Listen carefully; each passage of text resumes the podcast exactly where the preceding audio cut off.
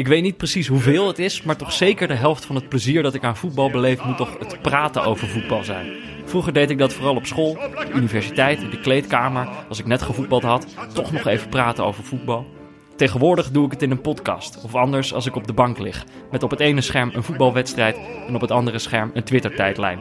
Waar ik dan iedere keer weer zie dat eigenlijk alles wat ik over een wedstrijd te zeggen heb al gezegd is een paar honderd keer. Toch blijf ik dat doen. Soms vind je via de hashtag neknak toch net dat ene pareltje, waardoor je de wedstrijd nooit meer vergeet. Maar waar zit hem dat in? Daar moeten we het misschien wat langer over hebben. Hoe doe je dat eigenlijk? Twitteren over voetbal. En dan goed.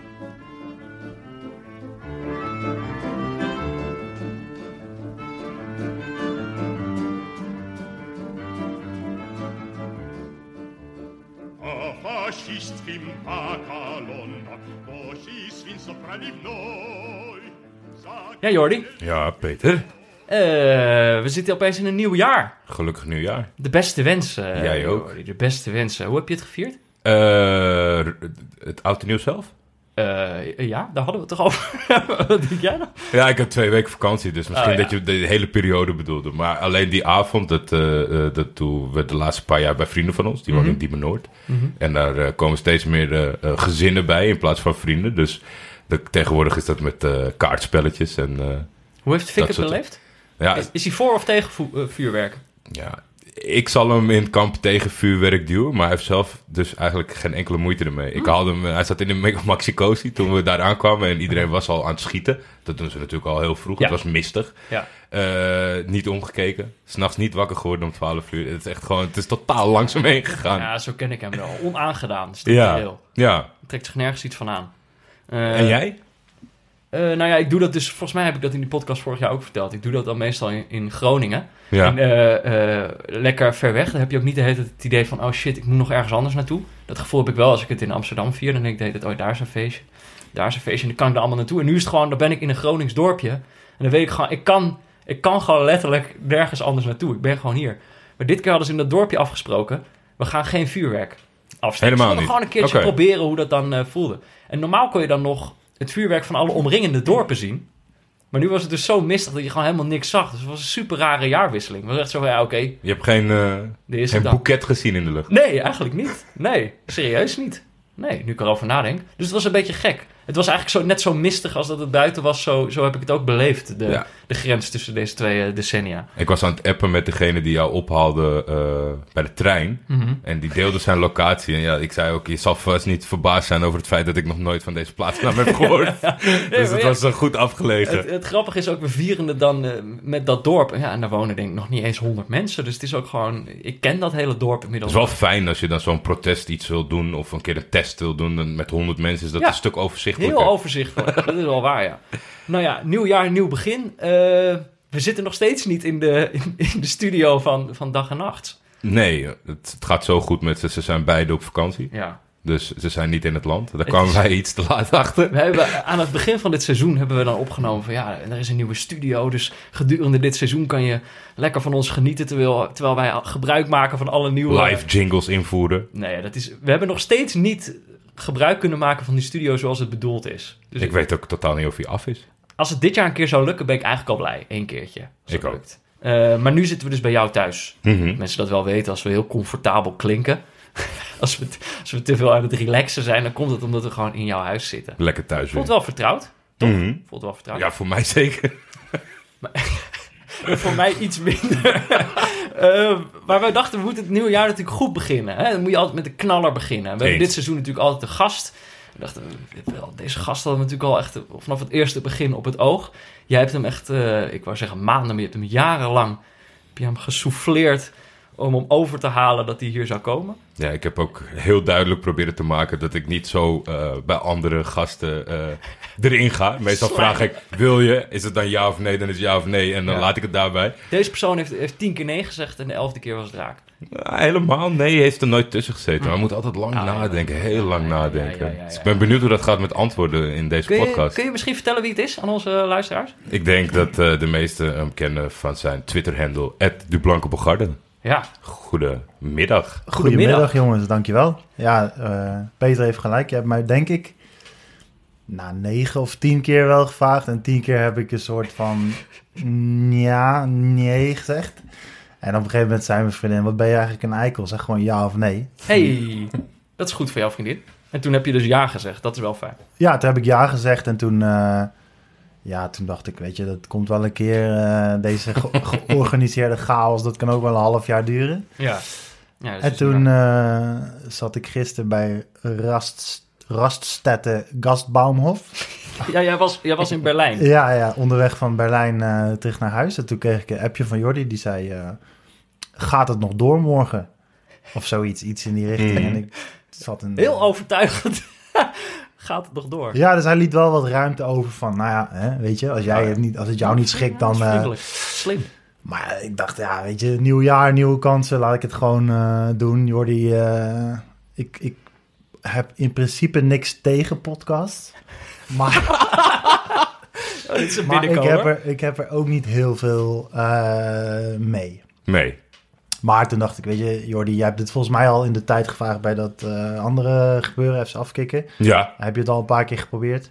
Eh, en toen... Je wilt toch aan, aanhouden belonen, wil je toch... Ja, maar dat was ook denk ik geen podcast. maar- Want het was, wel, het was wel meer zo van laten we denken in oplossingen. Maar dat zit natuurlijk... Ja. Ja. het was wel altijd met de camera op je snoet. Dus Ja, dat, dat je. maakte het sowieso oh, lastig. dit is veiliger. Ja, dit, is ook, dit kunnen luisteraars niet zien, maar je hebt wel, je hebt wel een bivakmuts op, waardoor, je, waardoor we jouw gezicht nog steeds... Ja, klopt. kunnen Zodat die overbuurvrouw daar mij eh, niet kan zien. Nee, nee, klopt. Ehm, maar eh, oké, heel even voor de luisteraars die jou nog niet kennen. Ik, ja, goed, ze zullen vast bestaan, ik weet het niet. Ehm de Blanke Bogarde, bekend van de website twitter.com. Eh, en, en wij willen dus eigenlijk van jou gaan leren hoe wij, hoe wij een goede tweet over eh, voetbal schrijven. Want dat is eigenlijk, eigenlijk hoe jij je wel in het, in het voetbalwereldje eh weet te profileren. Hoeveel volgers had jij? Eh, 40.000 of zo.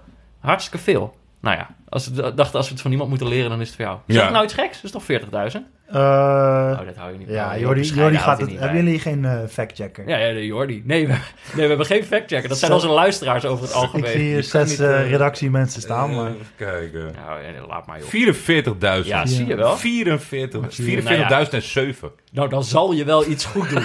Toch? Als dat, dat aantal is hoog, dan zal het wel goed zijn. Ehm, dus daar willen we het vandaag over gaan hebben. Maar voordat we dat doen... Ja, dit, dit moeten we dus eigenlijk... Jordi, vanaf nu moeten we dit wel in het nieuwe jaar... Is een goed voornemen. Moeten we dit toch aan onze gasten gaan vertellen... voordat ze in onze podcast zitten. We willen dus in de vorm van een rubriekje... willen we altijd even de temperatuur opnemen... bij iedereen die aan tafel zit. Om te kijken... hoe voelt diegene zich? En dan...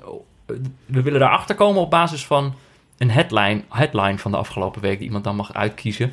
eh, om te vertellen wat je heeft bezig gehouden de afgelopen week. Zodat we weten bij alles wat je zegt... dat we weten wat er eigenlijk in jouw hoofd speelt. Maar je mag, ik weet niet, we overvallen jou hier nu weer mee. Want we hebben het dus weer niet eh, aangekondigd van tevoren. Ja, overvallen valt wel mee, want ik Oh. heb dus gisteren zes uur gereden vanaf Berlijn. Dus ik heb het hele seizoen geluisterd, dus ik weet dat er op een bepaald Oh. moment iets komt. Dat kan natuurlijk ook. ja. weet je, als je, kunnen ons ook gewoon luisteren. test, ja. als, je, als, je, als je een trouwe fan bent, dan, eh, dan weet je inmiddels wel wat er gaat komen. gelijk. Wat heeft jou dan bezig gehouden de afgelopen week? Ja, ik heb al meerdere dingen. Ik heb drie dingen. Eentje is serieus, eentje is eh, journalistiek. Oh, En de derde is RTL Boulevard. oh Ik jeetje. weet niet, kan ik ze alle drie Ja, tuurlijk. alle drie, joh. Ja. Dan dat slaan we begin- een week over. Dan- Wij reageren wel. Ja, dan begin ik met de serieuze, want dat vind ik best wel eh, nou ja, heftig. Ik had een interview gelezen, of een soort van reactie gelezen van Danny Blind over eh Daily Blind. Ja. Over zijn, eh ontspe- hoe noem je dat? Ontstoken hartspier. Ja, ontstoken hartspier. Ehm, en ik zie iedereen, en dan bedoel ik met iedereen bedoel ik vooral de mensen op Twitter, reageren over die blessure van, nou ja, weet je, wanneer hij terugkomt, als hij terugkomt, eh, als in, dat gaat geheid gebeuren. Ja. Maar Danny Blind had een soort van afsluiting in zijn verhaal van, eh, wa- waarbij hij de opening liet dat hij misschien niet meer terugkomt naar eh profvoetbal. Ja. Dat hij zei van, nou ja, goed, misschien eh, moeten we maar kijken of hij weer profvoetbal kan spelen. En ik heb niet het idee dat iedereen het op die manier heeft ingeschat in eerste Nee. instantie.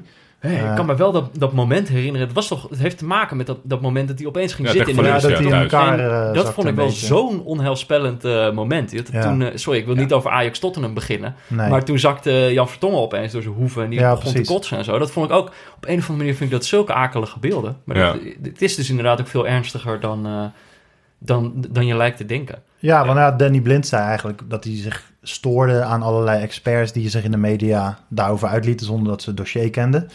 Het lijkt mij dat hij het dossier wel kent. En hij zei iets in de trant van Ja. ehm, nou ja, of hij nog proefvoetbal kan spelen.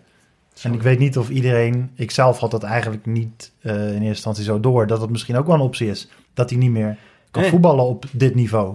Ik had Nee. ook eh, gezien dat de, de, de- toen Ajax die, die laatste wedstrijd voor de winterstop won, was er ook zoiets van, deze is voor jou, eh. Ja, Toen dacht ik ook ja. van, oh ja, volgens mij is het misschien toch eh, ernstiger dan Ja, ik maar denk. misschien is het Ja. wel omdat het... Kijk, met terugwerkende kracht best wel raar met die situatie om is gegaan. Er gebeurt iets, iets wat eh, een gezond persoon niet overkomt. Is dat Nee. hij instort. Normaal, Eh, eh, Blijft wel snel, of komt snel weer bij kennis. Dat is zo gek. Ze Ja. doen een beetje een nat watstandje in zijn nek en tikken hem in zijn gezicht en sturen hem het veld weer op. ja. Terwijl dat is, ja, dat is echt heel raar. Er zijn maar weinig dingen waarbij je eh, zo maar zonder reden oud gaat.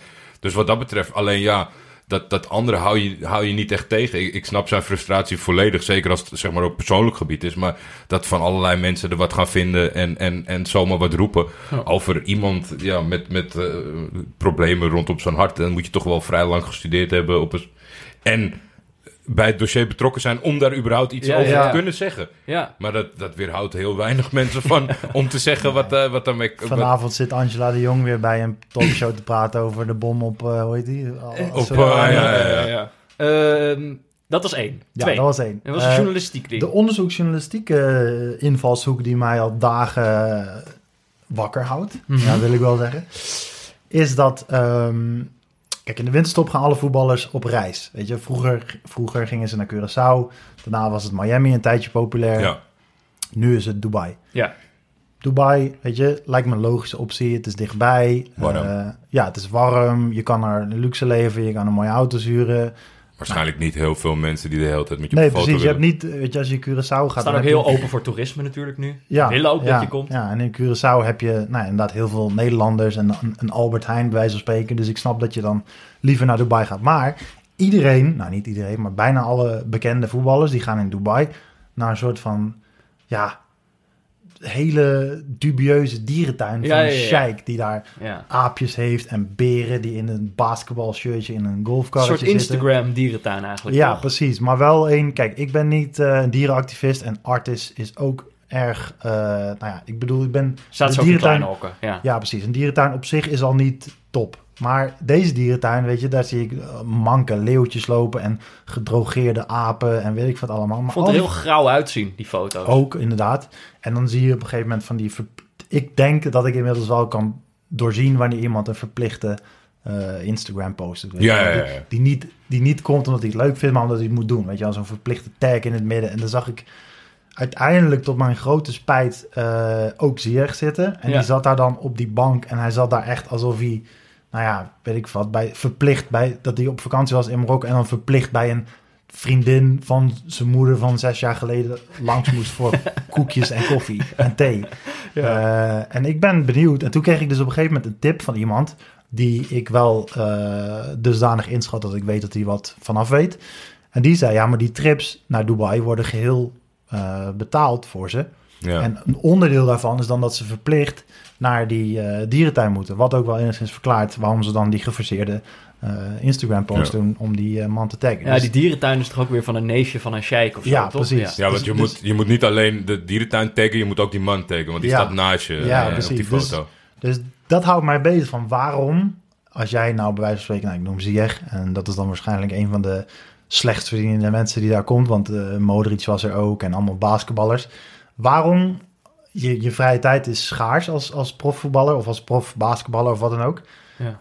Waarom ga je dan naar die dierentuin? Want ik denk niet dat je per se zelf naar die dierentuin had gegaan als het niet hoefde. Ja. Maar omdat dan jouw trip, hoe duur kan die trip zijn? Of ben je dan alsnog iemand die denkt, nou, gratis vakantie, als ik dan een anderhalf uur... Ja, ik had zelf dit gevoel toen, toen Per Schuurs in het restaurant van Salt Bay zat. Dat was volgens mij vorig jaar in de winterstop. dat ik toen dacht, ja, kom op, Per. Dit ben jij niet. Weet je? Nee. Ik snap wel dat je nu voor het eerst een, een, een, een hoog salaris Ja, hebt. dat, Ja. die vind ik wel altijd moeilijk te callen. Want ik snap wel waarom jij dat denkt bij Ja. Per Schuurs. En ik zou ook, ook denken als Per Schuurs een Louis Vuitton sjaal hebt. Maar dat kan gewoon wel. Dat, dat iemand Ja, die er dat niet helemaal naar, naar uitziet... of waarvan je het niet helemaal verwacht, toch wel die, die ambitie Ja, heeft. Maar dat Maar was dat- toen in dezelfde week als dat Ribéry er heel veel gezeik mee kreeg dat hij er zat. Dus wat per schuurs daar ook. Maar dat is typisch Ajax. Als iemand bij Ajax komt, weet je, toen... eh Bak, hoe heet die? Kende die Bakkie Ja. Bij Ajax kwam. Toen ging hij ook ineens van Twente, waar hij er gewoon onverzorgd uitzag. De eerste keer dat hij bij Ajax op de tribune zat, had hij meteen een Gucci-sjaal op. Ja, of eh, een. Gucci-muts op, ja. Maar dit heeft Gebeurt. natuurlijk al wel meteen te maken ook met het onderwerp van deze, deze aflevering, toch? Ook social media speelt daar een onmiskenbaar grote rol in. Ja, zeker. Eh, Het is, het is moeilijk. Ik, zit, ik, zit, ja, ik zit enerzijds te denken van hoe duur kan het zijn? Ja, dat, daar heb ik niet zo... Want kijk, die spelers komen nooit alleen. Ze zijn altijd met een groep. ja. Dus wat dat betreft, als je, als je dat soort eh, patronen hebt... dan gaat die reken, eh, rekensom loopt wel op. Maar hij was met eh, Lars Veldwijk, die natuurlijk ook niet... voor- Promes, geloof ik. Eh, Die loopt- ja, die heb ik was ook- die heb ik ook in de dierentuin gezien. Die ging ook naar die dierentuin, maar die was niet met hem. Nee. Zoals ik het be- kon volgen via Instagram. Maar ja, weet je, uiteindelijk denken ze misschien toch... als ik een gratis vakantie kan krijgen... en ik moet daarvoor anderhalf uur bij mijn gekke Ja. oom op de bank zitten. Ja, en waarschijnlijk is het ook maar zo, zeg maar vanuit de moeite gezien, omdat ze er niet op een andere manier over nadenken, is het maar zo'n klein stukje van alles wat ze misschien toch al ja, zouden doen. Ja, precies. En iemand Dus je anders... zou 90% van die vakantie zou je al doen en nu zegt iemand, oké, betaal hem. Ja. Moet je alleen naar de dierentuin. Nou, Ja. ben je hier artis gewend, denk je, eh, Ja, precies. hoe erg kan het zijn? Iemand Ja. anders zei ook op Twitter van misschien eh, omdat je dat doet, niet, niet dat het per se gaat om het geld, maar opent het ook deuren voor je dat je bij wijze van spreken de rij over kan slaan Ja, bij, bij die nou ja, maar het is, wat, wat ik bedoelde is natuurlijk... Voetballers zijn niet alleen, alleen nog maar voetballers. Ze zijn ook door de, door de bekendheid die ze door hun beroep eh, verwerven... zijn ze ook eh, influencers Ja, eh, zeker. Ja. En zo worden ze ook gebruikt Ja. door hun omgeving. Drie, je had nog een derde ding. Wat was ja, dat de, derde gaat over het hondje van Lil Klein. Oh ja. maar die, Dat is zeker echt heel die, goed. die, is niet, die is niet voetbal gerelateerd. Ja, maar maar hij heeft een nieuw hondje, ja. ja, dat is gewoon, eh, ja, als je dat wil weten, dan moet je maar eh, even googlen. Ja, dat, het vorige hondje is in, in dubieuze omstandigheden verdwenen. En nu Ja. heeft hij een nieuwe eh, waarbij hij wil bewijzen dat, Dat het de oude dat is. hij echt goed voor Ja. hondjes zorgt. Nee, Ja. niet de Oh, oude. nee? Nee, ja, dat wilde hij voor. Hij wilde doen voorkomen alsof zijn hondje die nu op zijn Instagram staat, het hondje was Echt? die al drie maanden uit beeld is. Is dat echt zo? Ja, dat Oh, is dus wel dat. Ik dacht, hij koopt gewoon een nieuwe om te laten zien. Ik kan het met deze wel. Dat bedoel ik. ik, Oh, ik- wauw. ik- ja, eh, Maar dat, dat, dat, dat verhaal, want ja, kijk, op een gegeven moment is een verhaal zo groot dat ook al als ik het niet volg of opzoek, dat het bij me terechtkomt. Dat het Ja. natuurlijk met eh, dat hij wat had laten slingeren Ja. en dat die hond is overleden, maar dat is niet bevestigd. Nou, niet bevestigd, maar het is wel door Koen Kardashian min of meer bevestigd. Dus ja, weet je, dan... Dat vind ik, dat zijn bronnen, en die vertrouw twee. ik. Die vertrouw ik gewoon. Ja, dat Ik weet niet wie het is, maar ik... ik, ik Eén bron is geen bron, maar als Iemand het Koen achternaam Kardashian is... Kardashian. ja, precies, dat Eh, wou ik zeggen. Dat is gewoon een, een Nederlands tak tegenwoordig. Ja, Maar dit is, eh, dit is goed om te weten dat dit jou bezighoudt, Ja. toch? Dat zet Ja. alles wel even in perspectief. slapeloze nachten. Ja, Ehm, zo, voordat we helemaal beginnen, dan Oh ja, ook nog één ik heb, ding. Ik heb een hele korte. Oh, een hele korte. De- maar dat is over... ik heb een hele lange Het is een nieuw jaar, nieuw jaar, nieuw begin. En Zeg maar, er is één club, eh, een Nederlandse club, die echt zeg maar, een nieuwe weg is ingeslagen en echt het jaar goed is begonnen. Dat is ADO Den Haag. Dat zij Pardew hebben aangesteld. Daar, ik, ik verheug me op een of andere manier heel erg op hoe, hoe zich dat gaat ontvouwen. Volgens mij wordt het gewoon in heel hoog tempo een ontzettende bende. En ik kijk er wel naar uit om, dat, eh, om te zien hoe dat zich gaat ontvouwen. Hmm, weet ik niet. Weet ik niet. Ik zag ook dat ze die Chris Powell erbij hebben meegenomen. Dat hebben we wel... eh, hebben we Twee maanden, zeg ik, is hij weer weg. Ja? Nee. Ja, dat, is wel, dat vind ik wel heel snel, twee maanden. Drie. Die, die, ik zag Voor die, het die- einde van het Ja, ik weet niet. Wat, wat, zijn nu technisch, maanden. technisch directeur, denk ik, die Hamdi. Die zag ik in de persconferentie, die zat er natuurlijk Nee, hij bij. is, Die eh, kreeg... eh, Edwin van der Sar van Ajax, maar dan Hamdi. nou, Oké, Ja. oké. Dus hij ging daar wel over. En die was wel de hele tijd een beetje aan het glunderen. Want ik heb wel het idee dat er in deze maand zomaar ineens vier, vijf voetballers gaan komen... die ADO Den Haag er wel in kunnen houden. R- Rafael Morrison of zo. Ja, die zag toch? ik ook. Maar eh, dat, daar dacht ik dus... dat Probleemkinderen. dit gaat gewoon, dit gaat gewoon mis. Maar ik dacht, als je, als je een frisse start maakt en die frisse start is Alan Pardew, ja, dan, ben ik, dan word ik daar gewoon heel vrolijk van. Voetbal Joey Barton nog, anders zie ik Ja, zeker. Joey Barton, ja. Ja, Zeker, ik hoorde hem, eh, League One zit hij nu. Volgens mij Fleetwood. Nou ja, eh, dit moeten de luisteraars maar checken. Maar dat hoorde ik in de podcast van, eh, van, eh, van The Guardian. Ja, over grote namen op andere niveaus. Shock. Dat was gisteravond natuurlijk Wayne Rooney die Derby County bij de hand heeft Ja. genomen. En Cocu in het zadel heeft gehouden. Ja. Het is ook bijzonder om die jongen daar te, te zien spelen met alles wat hij gedaan heeft en gepresteerd heeft. Ja. Maar eh, je wilde nog één dingetje? Nou ja, ik denk niet dat we het algemene riedeltje kunnen afsluiten zonder mede te delen dat jouw boek te koop is. Oh. Ja. Ja, ja, Ja, ja, ja. ja, ik- wil ik hier eerst over zeggen, voordat we het hier dan toch eventjes over gaan hebben, is dat Moet, van mij. ik wil natuurlijk, ik, ik, ik, ik vind het ook niet helemaal chic om dan in een, in, ik bedoel, hier, hier heb ik het niet over boeken schrijven, zeg maar. Ik heb het wel eens een keer genoemd, dus ik heb, vind het ook een beetje raar om reclame voor mezelf Het, te het is een schijn, ja, je hoeft geen reclame. Eh, eh, Ja, het is- vertel er iets anders over wat je wil. Ja. Kijk, in principe, je kan het verantwoorden in deze podcast, want op de allerlaatste pagina staat mijn naam. Dus is het eigenlijk een voetbalboek. Ja, eigenlijk wel. Dat had ik nooit, had ik nooit Ja, kunnen schrijven nee, als klopt. ik niet ook... Ik eh, zie jou staan in ja, het, eh, dus, dus dat is gewoon helemaal eh, gelegitimeerd. Nee, dat klopt. Nee, maar dat is natuurlijk wel... Oké, dat, dat kan ik er wel over zeggen. Kijk, eh, bijvoorbeeld gedurende de Afrika Cup... eh, was, zat ook constant dit boek in mijn hoofd. Er waren best wel wat dagen. Die Afrika Cup wedstrijden begonnen vaak wat later op de dag. Ja. Dus dat ik 's ochtends te schrijven... en dan smiddags Afrika Cup te kijken. En dus dat ik s'avonds met jou hier die podcast op te nemen. Dus het heeft zich wel gelijktijdig afgespeeld. En wij hebben het daar natuurlijk buiten de uitzendingen best wel over gehad. Mhm. Dus eh, ja, nee, dat is inderdaad voor de neutrale kijkers wel leuk. Jordi staat in het dankwoord. Eén komt gewoon één- daardoor. één- één plaatje in het boek en dat is een foto van jezelf. Ja. ja, dat klopt, helemaal aan het begin. Maar dit is dus, die foto is ook gemaakt tijdens de Afrika Cup. En toen was het zo verschrikkelijk heet, weet je nog? Ja. En eh, toen was het, werd het ook steeds best wel laat. ja, wat je niet eh, ziet is dat je daar nog aan de zijkant PB7 in je haar heeft geschoren. Maar dus, als jullie het boek kopen, en het is te koop... Dan, eh, dan- en je ziet die foto, weet dan dat die tijdens de Afrika Cup is gemaakt... en dat ik, dat ik hartstikke moe ben op die foto... en dat het verschrikkelijk heet was. Dat is Denk, echt denk er gewoon ver- zelf het shirt van, de, eh, van Nigeria bij. Ja, eh, Senegal. Senegal, oh ja, sorry. Wanneer is het eh, boekenbal? Oh, dat weet ik niet. Dat weet ik niet. Maar daar worden schrijvers van Dasmag... Ja, maar daar word ik ook niet voor uitgenodigd. Jawel. Schrijvers van Dasmag eh gaan, daar niet, gaan daar niet naartoe. Maar dat is een lang verhaal. Kijk, dat wil ik dus... daar, dus wil ik het niet over hebben. wat zij, Maar eh, Dasmag zijpaden. heeft een eigen boekenbal. En dat is, dat is hartstikke leuk. Dus dat komt wel goed. Maar eh, ja, oké Jordi. Dan is dat, is dat uit de lucht. Dat is ook wel fijn. Eh, Ja, graag gedaan. Dus eh, kijk, ik wil geen reclame voor mezelf maken, maar ik, koop het gewoon. Ik heb het al gelezen, dus eh, het is absoluut geen... eh, Hij ruikt ook heel lekker, man. Ja? Ja? Ja, hij ruikt echt Maar dat komt door Jordi dan, denk ik hoor. Ja, Of door nee, Fik? hij ruikt Fik, denk ik. papier en intelligentie en... eh, ja, nee, goed boek. Ja, daar, eh, nou ja, we zullen het zien. Lees jij boeken? Ik lees wel eens een boek, ja. Maar Ja? niet... niet eh, niet aan... Kijk, ik... Jij leest het boek van Memphis tien keer. Ja, die heb ik gelezen. Dat is een topboek. Eh, Simon is gewoon een hele goede schrijver. Maar als ik hier kijk, kun- dan kunnen mensen niet zien natuurlijk. Maar Jordi heeft een hele lijpe boekenkast met misschien wel... Ja. Ja, dat is heel goed. Bij Jordi thuis zitten we altijd naast de boekenkast, want die dempen het geluid Ja. goed. Mhm.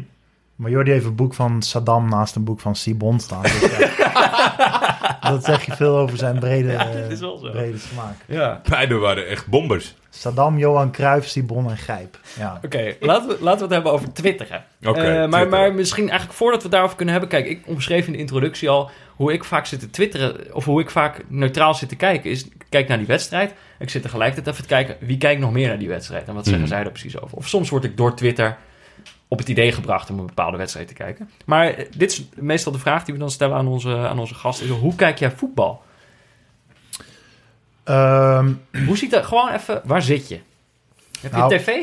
ja, ik heb een hele grote tv tot ongenoegen van mijn eh, huisgenoot, tevens mijn vriendin. Nee, ik ben een beetje een vreemde etende bij, denk ik, wat dat betreft. Ik kijk het liefst gewoon op mijn tv naar voetbal. Stadions doe ik regelmatig. Maar ik heb toch meer het idee dat ik op tv beter meekrijg wat Ja. er gebeurt. Oh, zeker. Ik dacht het- dat je iets heel geks ging zeggen. Dat je, dat, Nee, ik ja, dacht maar dat je dit op is- mijn telefoon ging zeggen. Maar, Nee, maar dat is dit toch is- heel normaal op Nee, tv? dit is in sommige kringen best wel een controversiële mening. Maar ik kijk het liefst gewoon in mijn tv. En dan, of op mijn tv, sorry. En dan ook nog het liefst in mijn eentje eigenlijk. Ehm, want als ik het met andere mensen kijk, dat kun je merken aan mijn... Oh, ik wou naar mijn telefoon. Dan, dan kun je dat zien aan mijn tweets. Want dan tweet ik niet. Want dan doe ik wat ik normaal op Twitter doe naar Ja. het Ja, ja, ja. publiek om mij heen. Dus dan heb je een soort van live tweet sessie. Ehm, en heel af en toe, als daar dan heel smadelijk en hartelijk om gelachen wordt, dan kopieer ik hem naar Twitter. Maar dan krijg ik daar weer hoongelach van, om, eh, van mijn publiek. Omdat ze dan, ja, ja, dat, dat vind heb ik ook je- een lastige situatie. Met Ja. vrienden die je volgen. En, Ja. en dan dat je iets denkt, oh, dat heb... dan- Ja, of dat zij iets gezegd hebben wat ik dan later min of meer op Twitter zeg. Terwijl dat ook, terwijl dat ook mijn mening was. En dan, maar nee, het, liefst, het liefst kijk ik dat op de bank. Ik heb een hele mooie bank met zo'n lang lichtstuk, weet je. En een lader naast me. En dan heb ik nog een iPad waar ik nog een ander scherm op heb. Dat is mijn favoriete setting. En dan moet liefst twee biertjes per helft. Mhm. Ehm, dan ben ik echt in mijn element. Heerlijk. En dan, Ja. en dan, maar dus inderdaad ook, als je alleen bent, dan twitter je daar ook echt bij. Eh, Zit je echt zo tijdens de wedstrijd te denken? ja, ja, ja, ja. Ik heb wel... Ja, als ik alleen ben, dan, dan, dan wil ik iets zeggen. Maar je gaat niet in jezelf praten. Tenminste, ik bedoel, ik werk wel eens thuis... en dan ga ik op een gegeven moment Ja. tegen de wasmachine praten. En met voetbal wil ik dat voorkomen... door het op Twitter te knallen. Ja. Maar het is wel echt leuk wat je zegt. Want Kind is daar echt ideale oplossing voor. Ik hoef nooit meer in mezelf of tegen iets te praten. Ik kan gewoon tegen Fik hele Ja, gesprekken. toch. Ja, da- daarom wil ik ook al een tijdje een kind. Maar het is, eh, eh, het is wel leuk wat je zegt, want als je inderdaad in een groep mensen zit, dan doe je het dus niet. Maar op het moment dat je alleen bent, dan wil je toch even met mensen erover praten, toch? Of je wil toch even iets erover zeggen. Of, Ja, ja, en ik heb natuurlijk een Ajax-appgroep en daar, weet je, daar gebeurt genoeg in en daar heb je allemaal verschillende meningen. Maar je wil het ook een beetje op een breder eh, publiek gewoon, ja, dan krijg je wat meer eh, reacties en nou, dat is het leukste eigenlijk aan, aan voetbaltwitter, dat je iets, iets kan zeggen en dat heel veel mensen zeggen, ja, wauw, je hebt totaal gelijk. Of mensen die zeggen, ja, waar heb je het over? Dat is Ja, helemaal dat- niet waar. Dat ben ik vaak. Ja, dat is helemaal niet waar, want... eh, zo. Veldman is wel goed. Ja, nee, ja, maar bijvoorbeeld, je hebt een paar onderwerpen, als het gaat over Ajax, heb je een paar onderwerpen waar je altijd, da- daar is het heel erg zwart-wit. Dat is Ja. Veldman, eh, Overmars vind ik wel. Veldman, Overmars en Donny van der Beek. Die drie, als je, die, als je daarin iets over zegt, dan is het of iedereen, of tenminste de helft is het met je eens, en de Ja. andere helft zegt, nou, dat slaat helemaal nergens op. Belachelijk. Je bent niet goed bij je hoofd. Maar dat is mijn, eh, Maar dat is wel echt, dat is eigenlijk niet neutraal kijken, toch? Ik bedoel, eh, ik ben ook totaal niet neutraal. nee, Ik gewoon kan eerlijk zeggen, Ajax. ja, ik ben heel erg voor Ajax. Ik kan heel erg genieten van de totale meltdown bij PSV op dit moment. En eerlijk gezegd heeft dat ook een neveneffect waarbij er een soort van ehm, ja, nieuwe elan is in eh, Twitter, eh, sorry, PSV Twitter. PSV mensen- Twitter, ja. ja, want die... Kijk, ik denk dat mijn Twitter-account heel populair is geworden... omdat ik heel vaak eh, commentaar gaf op het falen van Ajax. Wat Ja. voor heel veel mensen Ja, jij heel werd fijn is. groot toen Ajax klein ja, werd. Ja, precies. En mensen vonden dat fijn, want die... Weet je, iedereen is tegen Ajax of je bent voor Ajax. En als je voor Ajax bent, dan was je het waarschijnlijk eens met het feit dat ik zei dat Ajax compleet rampzalig was en alles verkeerd deed wat je verkeerd kon doen. Ehm, en dat is nu een beetje bij PSV aan. En dan zie je ook dat er bepaalde PSV'ers uiteindelijk toch niet zo vervelend zijn als dat ze leken. Omdat ze ook gewoon hun club verschrikkelijk vinden op dit moment. Eh, en alles ja, eigenlijk het liefst tot de grond zouden afbranden. En dat is eh voetbal Twitter voor mij in een notendop. Ja, ik heb ook wel. Ik, ik ben natuurlijk opgegroeid in, eh, in, in, in Veldhoven. En dat is Mm. vlakbij Eindhoven. En eh, eh, dat was echt gewoon precies het decennium waarin PSV de beste club van, van Nederland was. Woonde ik daar. En dat was gewoon iedereen in mijn omgeving was voor PSV. Ja. En ik had ook echt, zeg maar, ze wisten ook allemaal dat ik dan, ik ben geboren in Amsterdam, kwamen, zeg maar, ze wisten wel dat ik voor Ajax was. En als PSV de kampioen was, dan kwam, kwam een jongen die om de hoek woonde, die kwam dan met een, met een kartonnen kampioenschaal. Kartonnen schaal, ja. Kwam hij, zeg maar, dit was voordat Twitter bestond. Die kwam met En een dan moest je nog echt langs bij de mensen. Die kwam, die kwam zo de achtertuin ingelopen en liet hij zo die eh, kartonnen schaal eh, naar, aan mij zien. Ja. Hoe gaat Eh, het nu met hem? Eh, eh, wel goed, wel oké. Maar, ja, maar dat is dus eigenlijk, dat wilde ik ook zeggen. Dat al die, al die, die vrienden die ik uit die tijd nog heb, eh, eh, die dus allemaal voor PSV zijn. Ik vind ze allemaal eh, nu eigenlijk ontzettend redelijk als ze het over PSV Ja. hebben. Nee, maar het is ook niet leuk om te tweeten over dat het goed gaat. Want dan wordt het snel cliché en Ja. Dat vindt niemand Dat leuk vind je niet, wacht even, dat vind je niet leuk, want dat is natuurlijk hoe het nu gaat als het over Ajax gaat. Ja, klopt. En daarom, dat is ook een Misschien beetje... niet nu, een half jaar geleden. Ja, nee, nu gaat het ook goed. Het is Ja. gewoon eh, een klein hobbeltje in de weg. Ja. Maar eh, dat is niet leuk, want wat ga je zeggen? Ja, eh, het gaat goed, ja, dat ziet iedereen wel. Maar het is juist het, het punt waarop het slecht gaat. Dan zie je bepaalde dingen die, die verkeerd gaan op, op het veld of naast het veld. En die dingen benoemen. Was het, dan, Eh. was het dan niet een mooie bijkomstigheid eh, in tijden van eh, een meer succesvol Ajax... dat er vanuit de media en bepaalde journalisten dan toch nog een beetje afkeer was? Dat je daarop kon richten een beetje? Jawel, dat is Ik denk dat dat wel geholpen jawel, heeft Dat in, is altijd, maar dat, ja, maar dat was ook in de tijden dat het al slecht ging. Dat was altijd voor mij, tenminste. Wel het idee veel minder. ja, Veel- en dat. Nu- ook nu- veel minder mensen door Ja, hadden ja, hoe het een beetje liep. Nu is het heel persoonlijk op, Ja. een, op een bepaalde trainer gericht. En eh, dat, dat, ja, dat, dat bolwerk van hoe, hoe dat werkt, zeg maar, die, hoe die lijntjes lopen, dat is nu, denk ik, in ieder geval voor de mensen die veel op internet zitten en op Twitter zitten, wel duidelijker geworden. Ja. Eh, en mensen prikken daar wel wat meer, eh, meer doorheen. Nou, dat, dat vind ik ook wel echt fijn aan voetbal Twitter, is dat het wel eh, voor mij echt vaak een alternatief verhaal is dan het verhaal dat je in de eh, journalistiek leest. Ja, Zeg maar, dus eh, je, mensen krijgen door Twitter ook meer de kans om hun eigen verhaal te bouwen over een club. In plaats van dat je alleen maar Waarschijnlijk leest zijn, wat er in de zijn er staat. luisteraars van ons die niet op Twitter zitten... die nog steeds denken, Hakim Ziyech, hm, ik weet het niet. ik weet het Ik niet. weet het niet hoor, met die gast. Dat kan, dat kan. Dat- Ja, nee, die bestaan niet meer. Maar nee, dat is wel, het zijn wel inderdaad twee hele verschillende werelden. Je hebt zeg maar het, het, het, het, het Twitter-wereldje, voetbal-Twitter. Dan heb je de mensen die eh, nou ja, in, de, in de comments zitten van Voetbalzone en Ajax Showtime. Waar ik verder geen oordeel over heb. Maar hè, misschien zou je je prioriteit eens op orde moeten krijgen. En dan heb je de mensen die eh, nou, het volgen via Studio Voetbal... eh desnoods Veronica Insight die zich Ja. daar in de comments eh, profileren. Maar dat zijn denk ik wel drie verschillende werelden. Want de voetbal-twitteraar is volgens mij best wel redelijk. Dat zeg ik niet omdat ik daar zelf in zit, maar ik heb het idee dat daar hele redelijke, qua voetbal dan hè, op Twitter, hele redelijke mensen zitten. Andere onderwerpen misschien wat minder redelijk. Eh, en dan heb je, ja, de, die, ja, wat ik zei, die comment secties van bepaalde voetbalwebsites die, ja, misschien toch wat minder... eh, Het slaat zo door altijd. Ik, Ja. ik ben niet iemand die, die... Ik haal totaal geen plezier daaruit. Dus ik- het is niet zo dat ik dat af en toe opzoek of lees Nee. of wat dan ook. En ja, dat gebeurt ook echt maar zelden. Daarom heb ik nooit begrepen dat alle... Het lijkt alsof alle mensen tegen voetbalzones zijn. Maar in de tussentijd zitten ze er allemaal op. Want anders... Ja. Ik kom er nooit op. Dus het kan heel hartstikke, je kan hartstikke makkelijk nieuws vergaren... zonder dat je op die trash sites terechtkomt. Ja, Maar als het ja. dan al een keer naar omstandigheden, door omstandigheden gebeurt dat je daar zit en je kijkt naar beneden, nou, dan heb ik echt het. Dat, ik snap dat universum niet. Maar ik, denk, snap er, dat. zit nog, er zit nog een trapje onder. Daar hebben wij het al een keer over gehad in deze podcast. Dat is als je een illegale stream opzoekt. Er zit Wow, vaak een, chat, mooi, zijn zit een chatboxje naast. Ja, klopt. Dit, dat zijn dan nog meer. Wij hebben ooit een keer een, eh, een, een gesprek tussen twee mensen in zo'n chatboxje naast de Ja. stream voorgelezen. maar dat was ook omdat dat he- heel vriendelijk was. Terwijl normaal is dat gewoon... Ik bedoel, er Nou, zitten mensen natuurlijk ook echt te clearen. Maar Maar het is, het, die hele chatbox is volgens mij bij heel veel sites als optie eruit. Maar bij één eh, welbekende streaming site eh, is die box er wel altijd nog. En dat is ook echt wel een community. Volgens mij sterk in België. En dat zijn ja, een combinatie tussen liefhebbers, eenzaamheid en gokverslaafden, denk ik. Ja. Als ik, eh, want daar- d- je ziet, eh, dat gaat alleen maar over, over doelpunten en wat verwacht je en dat soort dingen. Ze zit- ze zitten gewoon live te gokken en, en die en streampjes op te Ja. zoeken. Maar wat is dan, zeg maar... eh, er zijn dus verschillende werelden waar je, waar je zeg maar, over voetbal kan praten. Maar wat, waarom is Twitter dan eh, de, de, de beste plek voor jou? Mm, nou, ik denk dat Twitter sowieso de plek is waar mensen het snelst reageren op wat er gebeurt. Wa- Wat jij ook zei, dat jij voetbal aan hebt op je tv en dan een tweede scherm eh, waar mensen reageren op wat er gebeurt. Ik denk, nou ja, alleen al door het algoritme is Facebook en Instagram daar veel minder geschikt voor. Eh, de comments van Voetbalzone weet ik niet precies hoe dat werkt, maar het lijkt mij sterk dat iemand eh, nou ja, daar in de comments live gaat zitten Nee, reageren dat is. Dus ik denk de, Ja. de kracht van voetbaltwitter is dat mensen iets typen. En dan, als je die tweet zou zien zonder dat je de wedstrijd hebt gezien, heb je geen flauw idee waar het over gaat.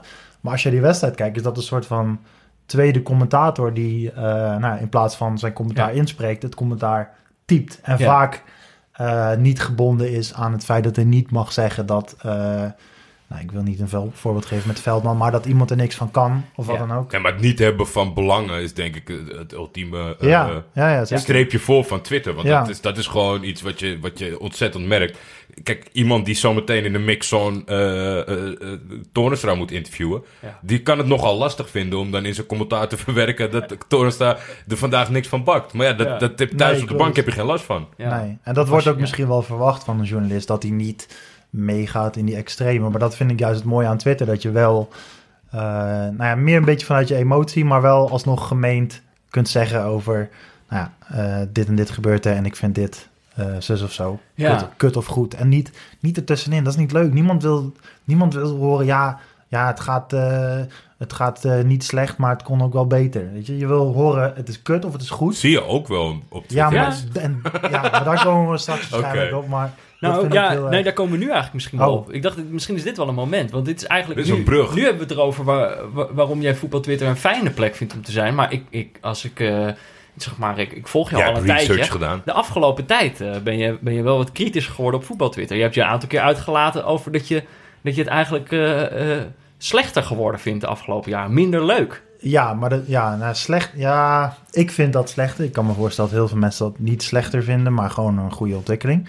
Maar het is een beetje zo, ja, hoe moet je het zeggen, soft geworden. Als in, als ik dan bij wijze van spreken zeg van Dolberg, eh, verschrikkelijk, meteen verkopen, weet ik wat, zoiets. En dan, dan heb je altijd wel iemand die nu dan gaat zeggen, ja, maar bij die 1-1 had hij een heel belangrijk duel op de middenlijn, waardoor die... eh, Zet een halve stap naar achteren. ja, ja, Zie jij, precies. zie jij wel dat hij een halve stap naar achteren je- doet? heb je die halve stap wel gezien? Nee, die heb je niet gezien. En daarom, het is een beetje... Het hele idee was dat wij onszelf op Twitter niet zo serieus namen en gewoon bam eruit gooiden wat we dachten.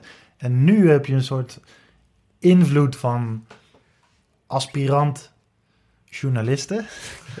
die zeg- zeg maar, ja weet je, die Ja, denken Dan dat... worden hier heel zorgvuldig woorden gekozen. Ja, Ja, ik ben... ik- ben In dit huis zijn nog nooit zo zorgvuldig woorden gekozen. ik, ik was ook, ik dacht een beetje, kijk, ik, ik, ik, ik- het is leuk om het hierover te hebben. Ja. Ik dacht ook, ik wil niet per se eh, drama starten in deze podcast. Kijk, het is wel stiekem mijn droom van Jordi. Ja, ik zie dat, wij een drama, ogen. ja, dat wij een drama podcast worden. Dus je hoeft ook,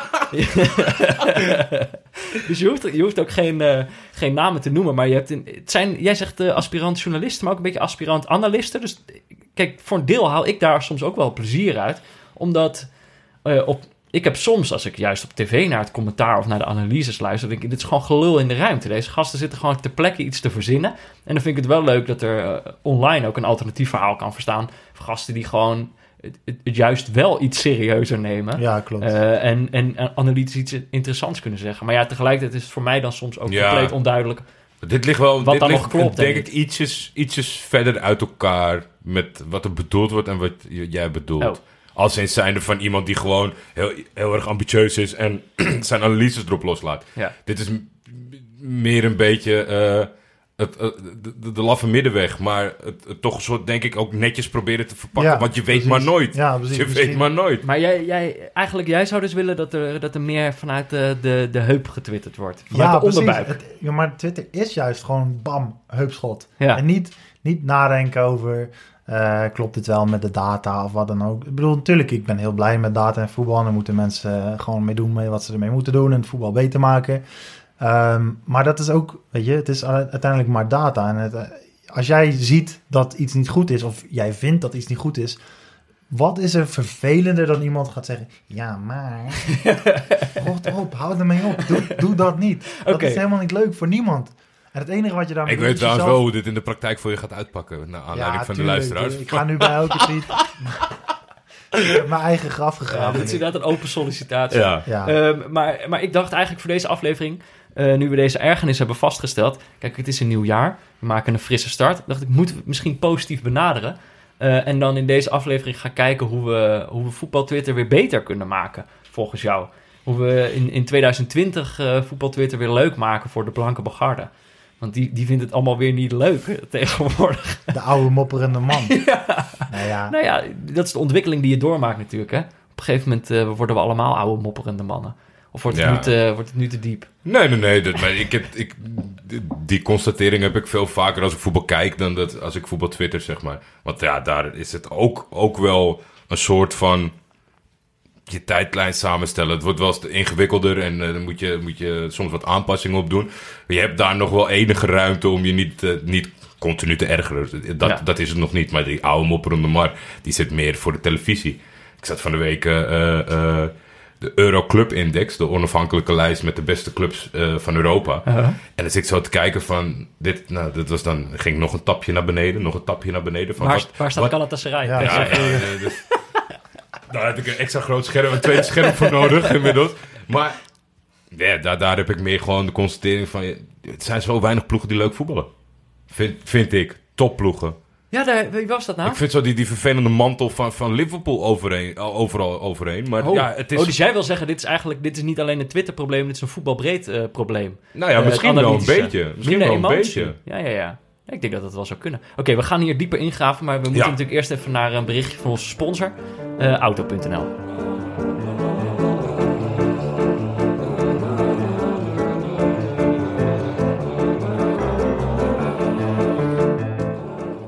Ja, deze aflevering wordt natuurlijk ook mede mogelijk gemaakt eh, door Auto.nl. Jordi, vorige week hadden we het over, eh, eh, hadden we het natuurlijk over Turkije. Over Ja, Turkse voetbal. auto's. Turks voetbal met, met Anko Jansen. En daardoor hadden we het ook over Turkse auto's.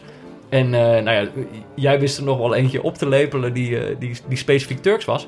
Maar het gaat eigenlijk meer over de, de nasleep ervan. Echt een paar dagen nadat onze aflevering online stond, waren er allemaal foto's Ja, was er is, Erdogan eh, was op de foto gegaan met allemaal auto's. Nou ja, ik, ik zei dat ze in het, eh, in het ver verleden wel eens eh, eh, eh, tekeningen hebben opgekocht van Fiat om zo in Turkije een auto te produceren. Maar dus niet, er is geen Turks merk. Maar Ja. ja, als de president eh, mij eh, vanuit hier hoort roepen dat hij, dat hij iets niet heeft, dan gaat hij mij dat tegendeel bewijzen. Dus toen was er ineens de, de TOGG.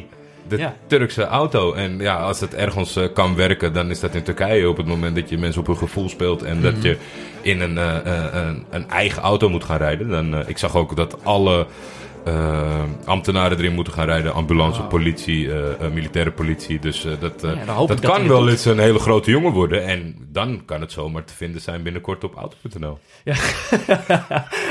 Maar er was nog een ander ding. Dat is ook sinds de, de afgelopen aflevering. Was dat Maarten Stekelenburg, dus de, de- wordt de nieuwe assistent van, van Koeman. Ja. Die, is, die had een tweet geplaatst. Eh, waarin hij vroeg of, of mensen nog een goed adresje wisten voor het eh, private leasen van een kleine auto. Ja. En daar reageerde iemand op. Dat was, even kijken, dat was twitteraar Ben Fransen. Of zoals hij zichzelf noemt op Twitter, Frans Benson. Die, die had erop gereageerd, auto.nl. Het ontstond er nog een soort discussie van, ja, kan je daar wel private leasen? Nou ja, dat lijkt me toch duidelijk. Ik heb eh, anderhalf jaar lang zeg ik dat je daar kan private leasen. Dus ja, maar dat- ik, ik ben het toch even gaan checken. Maar het staat gewoon letterlijk helemaal op het begin. Dus als het daar niet kan, dan, eh, dan weet ik het ook niet Ja, meer. en ik geloof ook wel dat de nieuwe assistent bondscoach daar, eh, daar eens een kijkje gaat nemen. Oh, dat mag ik hopen. Ja. Toch dat diegene dat gedaan heeft. Dus eh, mocht jij nou ook een assistent bondscoach zijn... en zoek je nog een private lease auto... ga dan naar auto.nl slash neutrale kijkers. Dat hoop ik wel, dat hij het via ons doet. Mhm. Dan is het toch wel dat is toch handig voor ons. En het handige is ook dat ze hem gewoon in Zeist bij komen langsbrengen. Jij hebt al die af- vorige afleveringen geluisterd. Dat is toch bizar? Komen ze die auto bij je thuis brengen? Maar dan gaat die gast daarna lopend naar huis. Dat vind ik echt... eh, We geweldig. hebben nooit echt doorgevraagd over hoe die naar huis gaat, hè? Dat blijft een mysterie. ik denk ook dat... Misschien zijn het eenmalige jobs. Die, die gast blijft ook bij je. Dat weet je nog niet als je hem Die bestelt. blijft gewoon in de buurt hangen totdat er de volgende auto komt. Ja. Oké. Oké, tijd voor de, voor de verdieping. eh, waar we het net al over hadden. Eh, we- nu gaan we echt proberen om, eh, om te formuleren hoe we voetbal Twitter leuker kunnen maken. Maar Zo. om dat te doen, moeten we denk ik ook een beetje... Een referendum. Nou, nee, ik dacht een beetje ook vaststellen wat, wat dan de precies de dingen zijn die, die we de afgelopen jaren gedaan hebben, die we niet meer moeten doen. En ik moet dan eigenlijk meteen aan één ding denken, heb ik ook al een keer in deze podcast genoemd. Jij hebt een keer een tweet geplaatst met een opmerking over de soort standaardberichten die alle Engelse voetballers op hun, eh, op hun accounts eh, zetten. Zo, en ook een heleboel niet-Engelse voetballers. Great game. Great game, massive support. Next week we go again, six points. Ja, die ja. Daar moet je mee stoppen. Maar, oké, maar wat is daar precies zo kut aan dan? Nou, dan had je net zo goed niks kunnen posten, want dat post je elke week. En het is totaal niet gevoed door enige emotie of binding met de fans, maar gewoon een manager of wat dan ook, eh, een assistent Mhm. die dat post. Ja, ik weet niet wie daar plezier aan beleeft.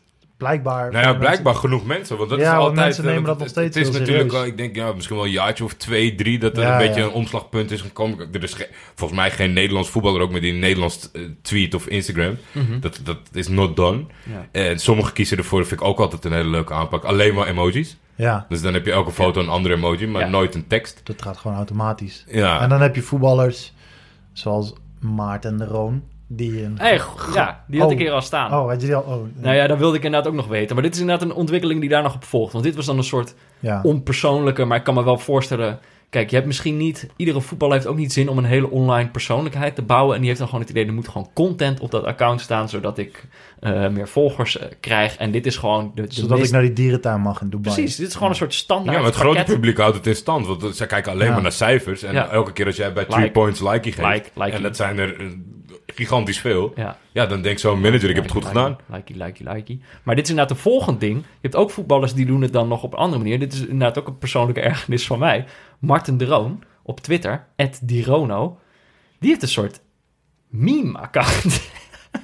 En, maar ook overduidelijk niet, niet zelf gedaan, naar mijn idee. En Jordi zei terecht toen we het daarover hadden, zei ja, het is alsof twelftal uit de dood herrezen is. Wauw. Op zijn account. Nee, niet over twaalftal beginnen. Dan, dan, dan, dan krijg ik het echt Dan loop jij nu al naar Ja, huis. dan loop ik weg. Nee, maar inderdaad, Martin dat, dat hele gebeuren van hem, dat was... Maar dan ben ik misschien weer een zure man. Dat was twee keer leuk. Ja. mij. Ja, Daar en is dan de het ook derde denk ik, ja, oké, weet je. Eh, je. Je zit er eigenlijk al op te wachten 90 minuten lang van wat gaat er nu weer komen. ja. Ehm, uit de, ja, uit de bodem van Twitter. En dan steeds weer iets geestigs of eh, allemaal knipoogjes naar, naar andere organisaties online. En eh, oh, het is thank het- you ja. at Champions League for choosing this photo. Hè, zo. En dan Ja. eh, Ja. of, Ik kan me zo moeilijk verplaatsen in de gedachtegang. Want het is nou niet zo... je, bent, je bent profvoetballer, het gaat hartstikke goed met je leven, je speelt in oranje. Is het dan die kick dat die eerste keer dat het werkt, dat je denkt van... Oh, ik, ik, ik, ik wil dit nog een keer of ik wil dit elke keer? Ja, of is kijk- het dan iemand die je gaat helpen, die zegt van blijf dat doen? Hij post het sowieso niet zelf. En ten tweede, wij zijn niet het publiek. Jij bent de meest droge persoon op aarde. Jij bent heel erg cynisch. Ik ben heel erg sarcastisch en zuur. Wij zijn niet het publiek. Het Hmm. publiek is die man met die wortel... die ook een Facebook-account heeft... waar die tweet ook wordt op doorgeplaatst. Ja. Dat is het publiek. Dus dan kunnen wij wel zeggen... ja, het is kut en het werkt niet... en, je moet ermee stoppen. Ja. Uiteindelijk zijn wij niet het publiek. En daar Het gaat het Denk jij ook al dat die eerste niet, niet zelf was? Nou, misschien heeft hij één keer, weet je, eh, toen hij eh, een pilsje had Dat zou- dat zou in nog het een- clubhuis. het allerlaatste beetje bij mij weghalen. Ik denk altijd, als het dan afwijkt van wat we allemaal kennen en verafschuwen, van de standaard gehalte, dat als iemand dan toch iets anders probeert, dat het dan toch het bewijs is dat iemand iets zelf doet. Maar ik, heb je wel eens een interview gezien met Maarten de Roon? Heet Eh, Mart- Marten of Maarten? Marten, Marten, ik heb Marten. Marten. Heb ik eh, Oranje ingesproken bij FC Buitenland. Hij skypte met ons. Maar was het toen grappig? eh, grappig. Nou, Hij was niet medium. grappig. Medium. Ja. medium. Nou, we hebben niet, we hebben niet. Ben niet van de, van de bank gerold, maar het Nee, was maar gewoon wel oké, wel- gozer. ja, maar dit is wel een goede opmerking, omdat ik ook een beetje het gevoel had dat het niet per se rijmde met zijn persoonlijkheid op het veld. Ik Ja. vind hem een, een, een zakelijke voetballer, een verstandige voetballer. Wel met, eh, met, met wat pit, waarom je hem ook wel goed kan gebruiken. Maar, eh, of eh, grinta, zeggen mensen dat tegenwoordig. Maar ehm, eh, niet per se een lolbroek of zo. Nee. Eh, of een lachenbek of zo. Hè? Van En hij doet het goed in Italië, maar verder zijn nou... Ik weet niet, het lijkt me niet de... Ik vind het ook niet passen bij zijn persoonlijkheid. Maar hij ik lijkt me ook iemand die ja. zijn pasta snijdt. Maar, maar was, was dit ook waarom je erover wou beginnen? Of, eh? Nee, ik wil gewoon Martin de Roon even nemen. Ja, oké. Ja. Maar oké, dan twee dingen die we, die we dus niet meer gaan doen. Twee goede voornemens. Dat is dus we gaan niet meer zo'n standaard berichtje doorplaatsen. En we gaan ook niet de, de standaard grapjes die anderen voor je geschreven hebben. Want eigenlijk is het wel, het is origineler dan, dan het eerste wat we noemden. Ja, Al die, die voetballers die zeggen, ja, vol- volgende week eh, nog een keer dankjewel fans. Ehm, maar dus de, de, de memes moeten ook niet meer doen. Wat blijft er dan allemaal nog over? Want ik zat zelf te denken, een beetje, hangt het misschien een beetje samen eh, hiermee. Is dat ook veel clubs zijn op een bepaalde manier eh, gaan praten. Klopt. Al die Twitter-accounts van AS Roma. Dortmund. ja. Die Veel, Engel- veel die- Duitsland. Die Engelse accounts die tegen elkaar dan Ja. weet je wel, een beetje gaan eh banteren. Ja, en als het dan echt banter wordt, zoals, wat was het, West Ham die een filmpje had geplaatst over Manchester City, dan is dat ook weer zo verwijderd, omdat het dan blijkbaar toch weer het Ja, imago dat het schaadt. dan toch weer te ver Of ging. tegen Tottenham was het, het misschien. allerergste is, denk ik, en, en dat is een van de weinige dingen, want voor de rest is het nooit echt een, een punt van mij, maar laten we, het heel, laten we er met z'n allen aan werken dat we het buiten Nederland houden. Want ook, dan kan je je een soort van irriteren aan iets waar wij niet verantwoordelijk voor zijn. Want Ajax en PSV zijn dit in een bepaalde fase een beetje gaan doen. Klopt, klopt, en dat klopt. vond ik echt verschrikkelijk. Maar waarom dan? Waarom vind je dat dan verschrikkelijk? Want ik vind het ook verschrikkelijk hoor, maar ik vind toch, dan zitten we, dan zitten we hier... en Maar ik zou het leuk toch- vinden als jij erover nadenkt. Nee, nee, maar waar, waar zit dat dan in? Waarom is dat zo verschrikkelijk? Het antwoord zal je verbazen, maar dat doen ze vanwege de knaken. Zij willen gewoon zo groot mogelijk publiek hebben op social media. En dan moeten ze in het Engels van die grapjes gaan maken naar elkaar. En elke sponsor of wat dan ook die, zich bij, zich, die, die bij Ajax zich aanmeldt of Ajax contact mee zoekt. Dan kunnen ze overleggen. Nou, weet je wat, we hebben, ik weet niet eens hoeveel. Hoeveel volgers zouden zij op Instagram? In de miljoenen. Ja, nou, Ajax, denk ik op Twitter wel. PSV niet zoveel op Twitter. Nee, maar Ajax Instagram weet ik niet. PSV wil Ja. daarheen. eh Ja. Brainport, Eindhoven, dit en dat, dus en zo. Maar ik denk dat... Meeliften, samen sterker. Ja, en dan gaan ze daar, weet je wel, dat, dat is een beetje de Maar wie is dat publiek? Dat je denkt, ik ga ook ga Ajax volgen. Nou, nee, PSV er ook bij. Nou ja, Mexicanen, eh Ja. weet ik wat, Zuid-Amerikanen, Chinezen misschien. Die, die, die, die een beetje daar... eh Mogen die op Instagram, Chinezen? Niet. vraag, goede vraag Weet voor de niet. kijkers. Eh, Weibo hebben zij. Weibo, ja. Nou, ik weet niet hoe groot Weibo is. Ik ben heel groot op Weibo. hoe groot Ja? is Ajax op Weibo? Dat is de vraag. Nou ja, dan gaat Gio aan werken nu, toch? Ja, ja. maar Nee, maar ja, wat is daar zo erg aan? Ik weet het niet. Misschien, misschien is het... eh, ik, ik, wat ik heel erg merk, wat ik niet, misschien nog niet eens het allerergste vind, is dat het in het Engels is. denk niet dat dat het, hetgeen is wat me het meest Nee, stoort. ik snap best wel dat je internationaal... eh, Maar het is ook misschien wel Nou, dat je weer een oude, zure man bent. En dat je eh, de- gewoon je, je- club aan het volgen bent. Of, of een rivaal aan het volgen bent. En Ja. dat die dan scheidlollig gaan doen tijdens een moment of zo. Want het, het, het ergste geval was volgens mij dat heen en weertje over van... Oh, jullie doelpuntenmakers eh, die komen uit onze opleiding. ja, En- tijdens de ja. wedstrijd van het Nederlands elftal was Ja. dat. ja, Ja. ja, en hoe erg die... eh, toen zat ik wel laag ook hoor. die, eh, die, grap, moraal. die grap met viergever. Ja. Kijk, het, denk het dat- is niet, het is niet zo dat omdat het nu gejinxed Wacht was... even, dat wat was, Ajax de, wat was de grap? Hij, spe- hij ging Europa Er was League een spelen. Instagram story en dan was de vraag aan de Ajax eh, supporters of ze liever Champions League speelden of Europa League. En dan was het Europa League was een foto van Nick Viergever in een PSV-shirt. Ja. En dat was eh, voordat ze werden uitgeschakeld uit de Champions League. En dat is niet, dat is niet, het was voor mij, denk ik, ik geloof niet zo in die jinx. Alhoewel, het is wel leuk om in stand te houden als je gokker bent. Maar eh, het is gewoon, het is gewoon vervelend, storend. Het, het, het, het, het past niet. Maar dat komt ja. misschien uit een andere tijd of zo. Maar dat heel veel mensen van- storen zich juist wel aan het Engels. ja? Ja. Nee, nee, nee. Ik weet dat heel veel mensen Ja, dat aan ze het Engels. Maar ik weet, voor moet mij, voor mij is dat niet het vervelend van. Nee, klopt. Dat, voor mij is het een beetje het geforceerde op zoek naar Ja, eh, interactie. Wa- Wat het ook zou kunnen zijn, denk ik... eh, eh, Deels is het natuurlijk... Ik denk dat het, eh, het verhaal dat een, eh, dat een, dat een marketingteam eh, bij of aan Ajax verkoopt is... We, we moeten de club online een persoonlijkheid geven. Dus je moet meer grapjes maken, zodat mensen meer bij je voelen. Terwijl het gevoel dat ik dan ervaar, is eigenlijk juist meer dat het onpersoonlijk wordt... op het moment dat, dat iedere club zich op die manier ja, gaat je, profileren. je verliest je hele persoonlijkheid. Juist als Ajax Twitter-account of, of Instagram, wat ook. Zou je toch juist mee moeten gaan in het sentiment onder supporters. Dat je kritisch bent, een beetje cynisch, sarcastisch. 6-0 thuis tegen ADO. Hoezo is het geen 12-0?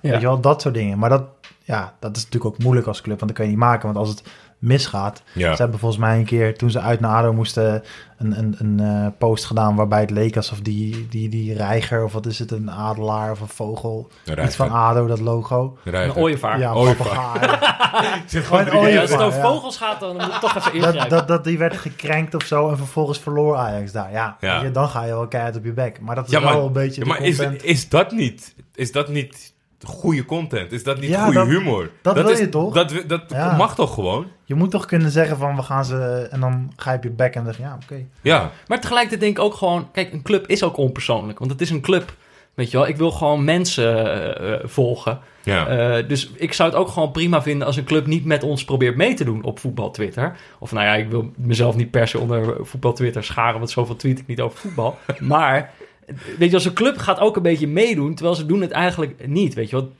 Wordt dan gewoon heel serieus een soort... eh, Alleen uh, een informatie. doorgeefluik of zo. Ja. ja. Tweet jij wel eens over voetbal? Eh, jawel, jawel. Eh, zeker tijdens bijvoorbeeld eh, het WK 2018, waar we het eerste seizoen van Neutrale Kijkers Ja. over maakten. Ja, dat, ik weet niet, dat was ook gewoon Maar waar kijk je dan de naar? plek. eh, Naar het voetbal of alles eromheen? ja, alles eromheen Ja, eigenlijk. zie je? Eh, Top. ja, maar toch, ja, precies. Maar ook omdat ik gewoon niet genoeg over voetbal weet om iets- inhoudelijks te kunnen zeggen. En ook gewoon, wat ik ook zei in de introductie, is heel veel. Ja, dat moet je zeker Wordt niet al remmen, denk gezegd. ik. Dat is ook al Het een, leukste een tip. is toch die dingen eromheen. Ja. Weet je wel, dat je bijvoorbeeld... Nee, dit- maar wat dit- hij zegt, het, het, weer, het gebrek aan kennis over Ja, voetbal. dat, dat, dat, maar ook. Maar ook de dingen eromheen. Weet je, dit seizoen eh, staat Reiziger bij elke corner van Ajax tegen of voor. Staat hij langs de lijn met Ja. een soort kladblok en een multomap en eh. Duidelijk de aangewezen set pieces, eh, man. En dit seizoen, elke nog één corner erin gegaan. bijna niks gaat erin en alles vliegt erin bij Ajax. Dus wat doet hij daar? Ja. En niemand die een keer zegt, hey, Michael, Ja. wat ben je aan het doen? Gaat het goed? Misschien moet je het een keer Maar dat aanpassen. was toch altijd eh, Carlo Lamy met, eh, met de Multomap? Ja, Ja, ja. Dus die dat is was ook eh, heel irritant, maar toen ging het beter. Ja, En nu staat Reiziger, die loopt naar voren, Ja. hup, hup, hup. maar dat was ook gewoon de licht, toch? Die alles erin kopte. Ja, Oké. Ehm, dus, dus, dus clubs die zo lollig doen, moeten we misschien ook mee stoppen, vinden wij. Om voetbal Nou ja, leuker tot- te maken. Totdat ze wat beters hebben bedacht.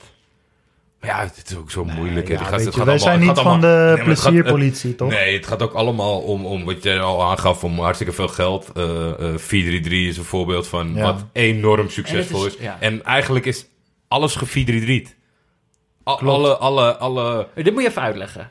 433 is een, is een, groot, eh, een groot social media platform. V- Volgens mij was 433 een, ooit een ander account. Het was echt, met heel veel volgers. En toen stapten ze erin. dacht je, denk ik, wow, waar komen die vandaan? Met best wel veel volgers. Nou, Demi de Zeeuw, Van de Wiel en Elia. volgens Elia? mij. Volgens mij is het Van de Wiel eruit gestapt nu. ja, en dat is toen Wat volgens zijn zijn mij... eigenaren van 433? Ja, Ja, Oké. combinatie baller. ja. Combinatie je hebt Baller, One Halves en eh 433. En dat is van de Zeeuw, eh, Elia en twee business partners. Oké. En die gaan wel eh vrij. En- Maar wat, wat bedoel je als je Nou ja, zegt dat alles is 433 van die, die, die, die, die begon overal tegelijk. Heel kortstondig heb ik volgens mij nog stukjes voor geschreven. Een website. ik ook. Twitter was echt eh, eh, slecht. Want dat, dat kwam niet los. En er was voor 433 voor elke losse club was er een nieuw 433-account. En op Instagram hadden ze gewoon eh, in eerste instantie heel goed gedaan eh, collega-voetballers. Collega-voetballers, iedereen, alle voetballers gingen 433 volgen, liken, interactie. Nou, dat is een enorm merk geworden. Ja. En dat kreeg toen ook een beetje gezicht met social media managers. Volgens mij, eh Afif heeft dat heel lang gedaan. Die Ja, nu social media klopt. manager is van, eh, van Barcelona. Mhm. En nu doet een Turkse jongen dat. Eh, en daar zit, een, ja, daar zit een soort van... Was overal een beetje, maar ze hebben ze toch, toch wel erin gespecialiseerd. Want je had natuurlijk Copa 90 en allemaal Ja, klopt. Het is het grootste eh, voetbal-Instagram-account ter wereld. Ja. En sowieso, volgens mij staan ze in de top 10 van Instagram-accounts überhaupt Ja. qua bereik. En Ik er een- van alle dingetjes die online een beetje gaan, zoals YouTube en dat soort dingen, iets uitgeplukt. Zo Ja. challenge en, en allemaal ja. dat soort zaken. Dus dat bedoel je met dat het is ge 433? Ja, dus, dus zeg maar, de, de mal die 433 echt wel zelf eh, ontwikkeld heeft en succesvol heeft gemaakt, daar is volgens mij waar voetbalclubs nu het meest naar kijken van, oké, dit willen wij ook. Ja, maar dat is natuurlijk echt... eh, zij hebben dus heel goed gezien, 433 heeft gezien... Dat, dat voetballers ook influencers zijn. En dat je ze ook op die manier Ja. kan gebruiken om dus een account groot te maken. Ja. Maar ik had laatst dus, eh, misschien komt hier ook iets samen. eh, op Ajax heeft zo'n YouTube-account en daar verschijnen allerlei eh, samenvattingen van wedstrijden, maar er wordt ook allerlei content omheen gemaakt. En laatst hadden zij een video, en dat is volgens mij ook een reeks van een paar video's. Het was een samenwerking, gesponsorde samenwerking met MyHeritage. Dat is zo'n eh, zo'n Ja. zo'n app, zo'n bedrijf waar je eh, eh, je DNA kan opsturen. Volgens mij is het gewoon letterlijk dat je je wangslijm of zo opstuurt. En dan ma- maken ze op basis daarvan een, eh, een analyse eh, eh, waar je heritage ligt. Dus dan krijg je zo'n landkaartje met waar, waar, waar je achtergrond is. Ja, 1% uit Gabon. Precies, dat soort Wist je niet. Maar dat is dus... Dat bedrijf Van de eh, is, uit Qatar, denk ik. is een beetje... Het bedrijf is een beetje dubieus. Want het is natuurlijk wel zo. Je stuurt je...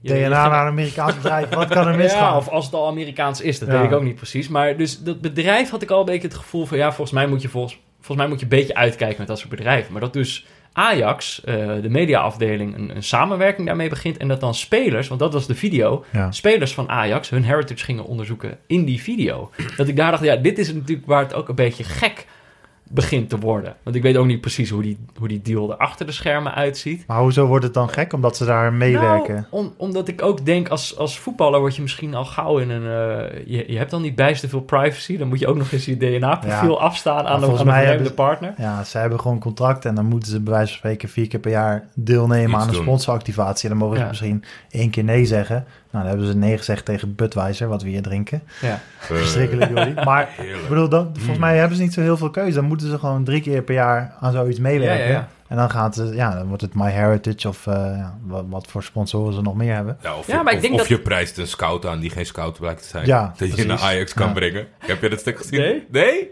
Jawel. Kijk je niet naar eh, opgelicht, eh hoe heet die man? Alberto Kees van de? Spek. Of Oh. Kees van de Spek? Nee, Alberto Nee, Stegeman. Alberto Alberto, was het, ja. Stegeman. Nee, nee, dit- Heb je dat nou, niet voorbij zien komen? Ik ben even... Ik, ben, ik, ik voel me volledig verloren op dit Op een gegeven moment ging er, een, over? er ging een aankondiging van, zijn nieuw, of, van een nieuwe aflevering van zijn programma rond. En die bereikt al snel eh, Twitter. Uh-huh. En dan ging erover dat een man zich voordeed als scout die je naar Ajax zou kunnen brengen. Oh, ja, ja. En dan moest je een paar Oh, honderd ja. euro. En die, die had op een gegeven moment als bewijs had hij een filmpje waar hij naast het trainingsveld met Donny van der Beek eh, Ja, eh, ja. naast zich had. En, die zei, ja, en Donny zegt, eh, ja, je moet hem hebben, topscout.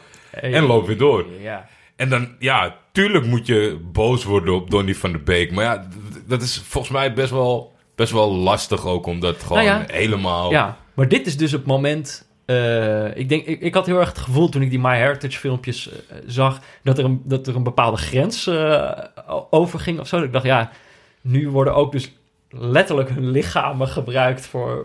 nog meer gebruikt voor commercie. Ja. Maar inderdaad op deze manieren ook... eh, dat, dat voetballers steeds beter moeten gaan nadenken van... Waar, eh, waar geef ik steun aan? Voor wie spreek ik mijn steun uit? En eh, wat gebeurt hier precies? Ja. Eh, de, Maar ik denk ook dat voetbal daar best wel scheid aan hebben. Want ik zie af en toe wel eens dingen voorbij komen dat iemand Ja. ineens een, een kapsalon gaat zitten promoten of wat Ja. dan ook. Gewoon een heel lokaal. Donnie had een keer pleisters of zo. Toen werd hij heel hard ja, die werd helemaal zijn- Ja, dat was met Nou. Ja, Ja, die werd ik- helemaal belachelijk gemaakt. Ik baalde dus echt enorm eh, in, in, in, in mijn research op de social media kanalen. En, eh, was er eentje blijven hangen bij mij van een paar weken terug, volgens mij twee weken terug of zo. Wesley Sneijder. Ik vind hem altijd de koning van echt van de troep. messensets. Van troep. Nou ja, je hebt het al, de keramische messenset is natuurlijk een legendarisch product. Heb je die eigenlijk? Heb je nee, die? die heb ik helemaal niet. Je kan hem gewoon kopen bij bol.com. En dat maakte het een soort van... Ik heb toen heel... Ik was toen volgens mij net klaar ook met het boek en die site. Ik dacht, ja, fuck, ik ga niet 20 euro uitgeven voor een dom keramisch messenset. Maar dat is gewoon het niveau waar hij, waar hij in rondcirkelt om promotie. Hij is de, de- een van de grootste voetballers van Nederland ooit. En toen was er van de week, had hij een, een post over de lancering van een eh, webshop app die er kwam uit, uit China. Waar je dus je eigen webshop kon samenstellen met random producten vanuit China. Dan kon je zeggen, nou, bij de, en dat kon dan op amateurclubniveau. Want dat, die Utrechtse club van hem, dat was als voorbeeld gebruikt. Maar het is zo slecht en zo amateuristisch. Dat ik denk, hoe, hoe kan dat nou? Maar ja, waarschijnlijk een, een flinke schuit geld weer eh, Ja, tegenaan. Daar staat overigens wel de Wesley Sneijder Salento, de rode wijn. Is een hele goede, heb ik gehoord. Kijk, dit is dan wel het voordeel om het hier op te nemen. Dat moeten ze bij dag en nacht ook hebben, vind ik. De, de wijn van? Snijderwijntje. Ik vind het wel leuk, want ik, ik, eh, hij wisselt steeds. Vorig jaar was het een Barolo, nu is het een Salento geworden. Dus, eh, Maar dit, dit is misschien ook wel... We hebben nog een hele hoop leuke voorbeelden. Daar kunnen we het straks misschien wel een beetje over gaan hebben. Maar eh, misschien is het ook wel... Nu even de stap te zetten. Wat zijn nou voet, zijn er voetballers die het goed doen? Waarvan jij denkt, dit, zo moet het. Toch even die positieve benadering. Wordt meteen stil. Volg jij Mm. überhaupt eh, voetballers oprecht? Of alleen maar uit een soort... Ramptoerisme. Ja, Ja, nee, de meeste voetballers die ik volg zijn uit de ramptoerisme. Kijk, vroeger had je, had je Kiek. Dat was Mhm. een soort eh, voorganger van Snapchat. ja. En daar gebeurde het. Daar had je op een gegeven moment, dat je, toen ging Veendam eh, failliet. Mhm. Ik weet niet hoe diep jij in voetbal zit, maar Veendam Nou was, ja, ja, ja. was een voetbalclub. En die gingen toen eh, failliet. en dan had je een jongen uit Amsterdam die daar speelde. Sid- Sidney Schmeltz heette die volgens mij. Mhm. En die had toen blijkbaar 's ochtends gehoord... nou, die club gaat failliet, we gaan niet verder. Ja. Eh, en die zat in de auto naar huis. Mhm. Gewoon, gewoon ook een klein autootje, gewoon echt een Veendam autootje. En die had een filmpje gemaakt. En dan zei hij, ja, eh, de club is failliet. eh, het scheelt, ja, het, het, interesseert me niet. Terug naar de beschaving. Terwijl hij terugreed naar Amsterdam. Oh.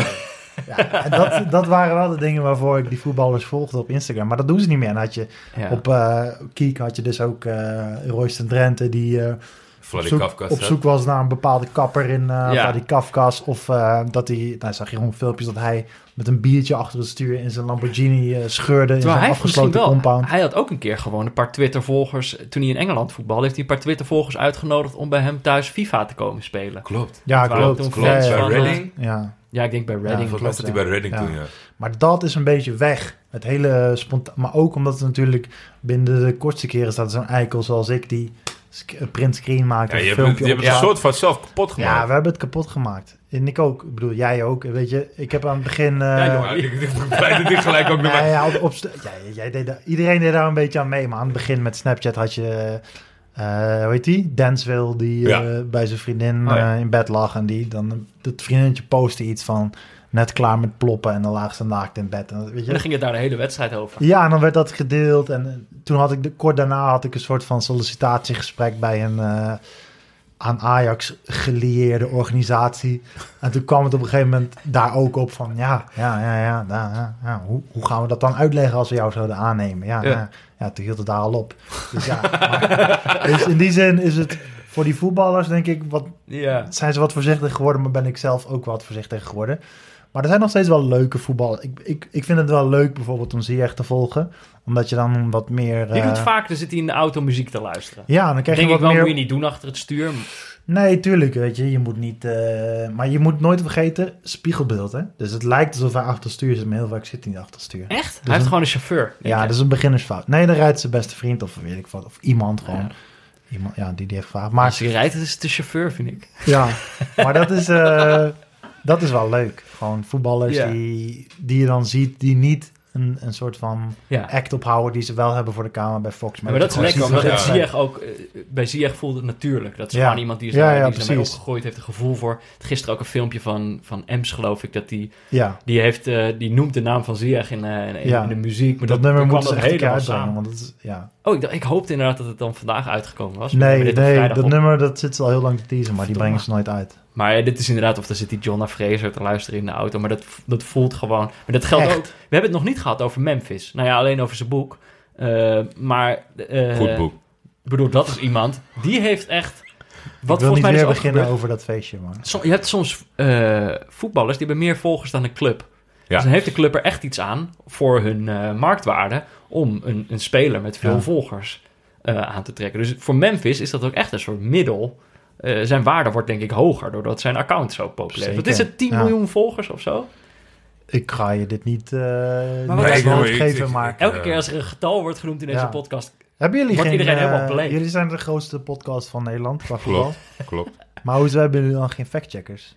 Ja, Is nou ja, omdat budget, feiten, eh, omdat dat- maar ons dat- niet interesseren. Nee, ook dat. Stagiair. Maar het, het werkt niet echt bij podcasts of factcheckers. Want dan moet er gewoon letterlijk iemand hiernaast gaan zitten. Maar jullie hadden ja, vroeger ja, toch dat, eh hoe heet dat, correctie van de week, of wat was het? ja, ja, rectificaties. Maar je- Rectificaties, Ik bedoel, ja. dat was dan, dan waren we een half uur eh, op weg en dan Ja, hadden, maar ik we- moet dan ook hadden we net de we- aflevering van vorige week gerectificeerd. In, in de nieuwe vorm die we proberen is eh, eh, interactie met publiek nog niet, eh, nog niet minim- helemaal... minimaal. Ja, Ja. ze Ja, weten ook niet wanneer we komen en dat soort dingen. we Dus moeten de socials moeten we nog een ik beetje... ook... Nou, wat ik me heel lang afvroeg bij deze podcast is, hoe moet het als een van jullie gasten moet pissen? moet, jij stop nu je dan? bijvoorbeeld- moet jij nu bijvoorbeeld plassen? Nou ja, dat kan ik eh, wel eh, ik- bevestigend Kijk, normaal... antwoord. Hey, Wij plassen nooit. Wij nodigen alleen maar Raar. gasten uit die niet hoeven te plassen. Wij plassen gewoon eigenlijk niet. Maar dat is eigenlijk een voorwaarde om een podcast te doen. Ja, maar dat, ja, als je bij dag en nacht binnen wil komen, dan ga je, zetten ze eerst drie uur op een stoel neer. Ja, Als je dan naar de wc loopt, dan, dan liter zeggen ze, ga maar ergens anders heen bij een ander productiehuis. Dan ga gewoon...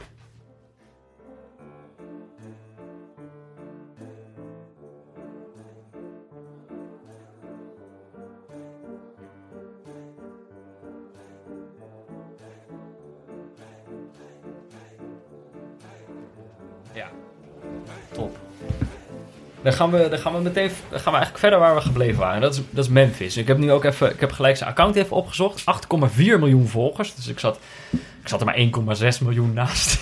Ongeveer twee afleveringen van ons. Alsnog echt eh, tering veel. Eh, maar eh, hij heeft een beetje... Kijk, hij heeft een enorme eh, online presence op deze manier. Mhm. En, maar ik, ik, ik word er toch ook altijd lichtelijk ongemakkelijk van. Was bijvoorbeeld een filmpje dat hij in eh, Miami was. En dan zie je zo, het filmpje begint zo. Je ziet een heel groot terras, een soort eh, zwembad. En op een gegeven moment gaat, eh, je ziet een eh, groot huis, zie je daarachter. Op een gegeven moment gaat die schuifpui open. Dan komt van achter die schuifpui komt Memphis, komt zo dat terras opgelopen.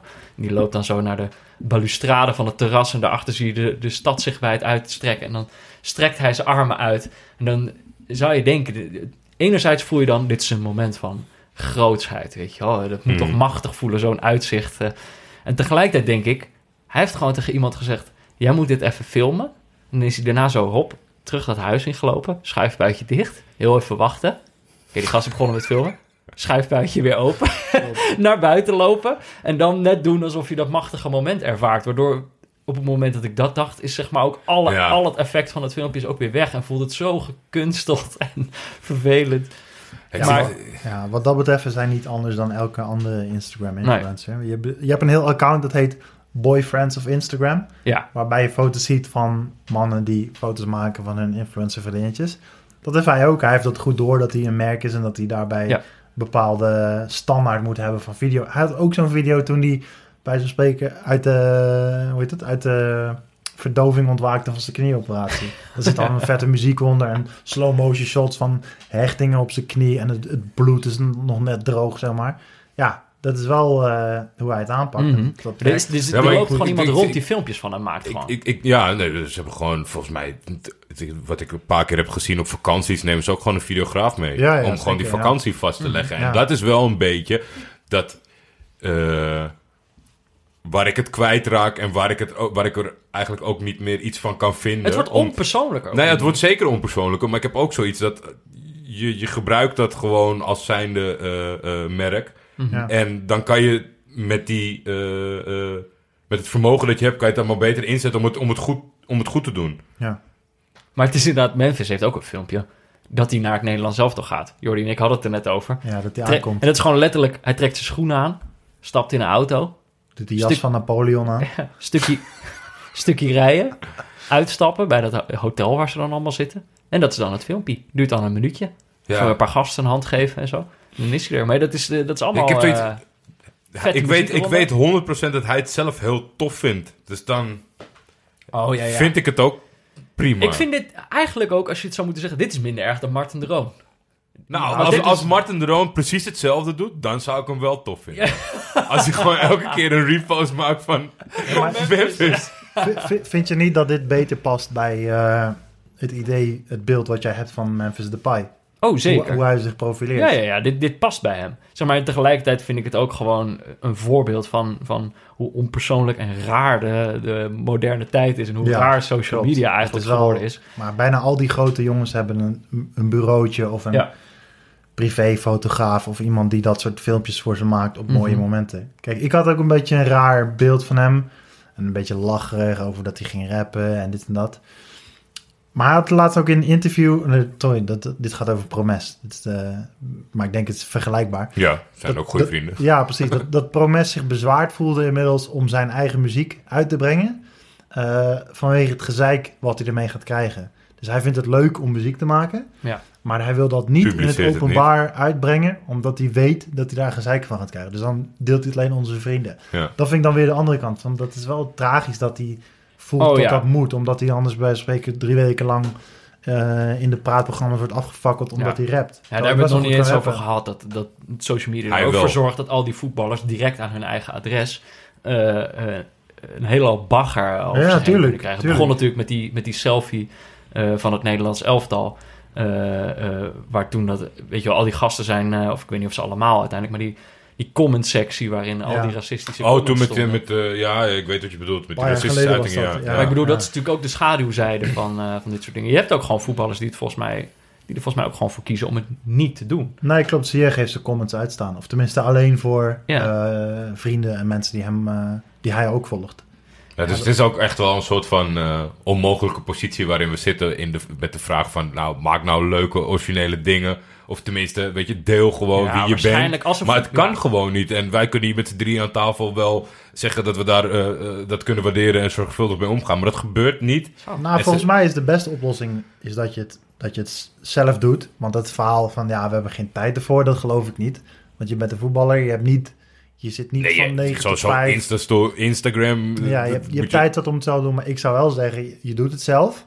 Maar er is wel iemand die, voordat je het plaatst, even zegt... "Mm, is het een goed idee om het zo te doen? Ja, eigenlijk andersom dan hoe het nu gaat. Ja, Was precies. vaak nog vergeten het regeltje Ja. weg te deleten Ja, van eh, precies. post dit maar.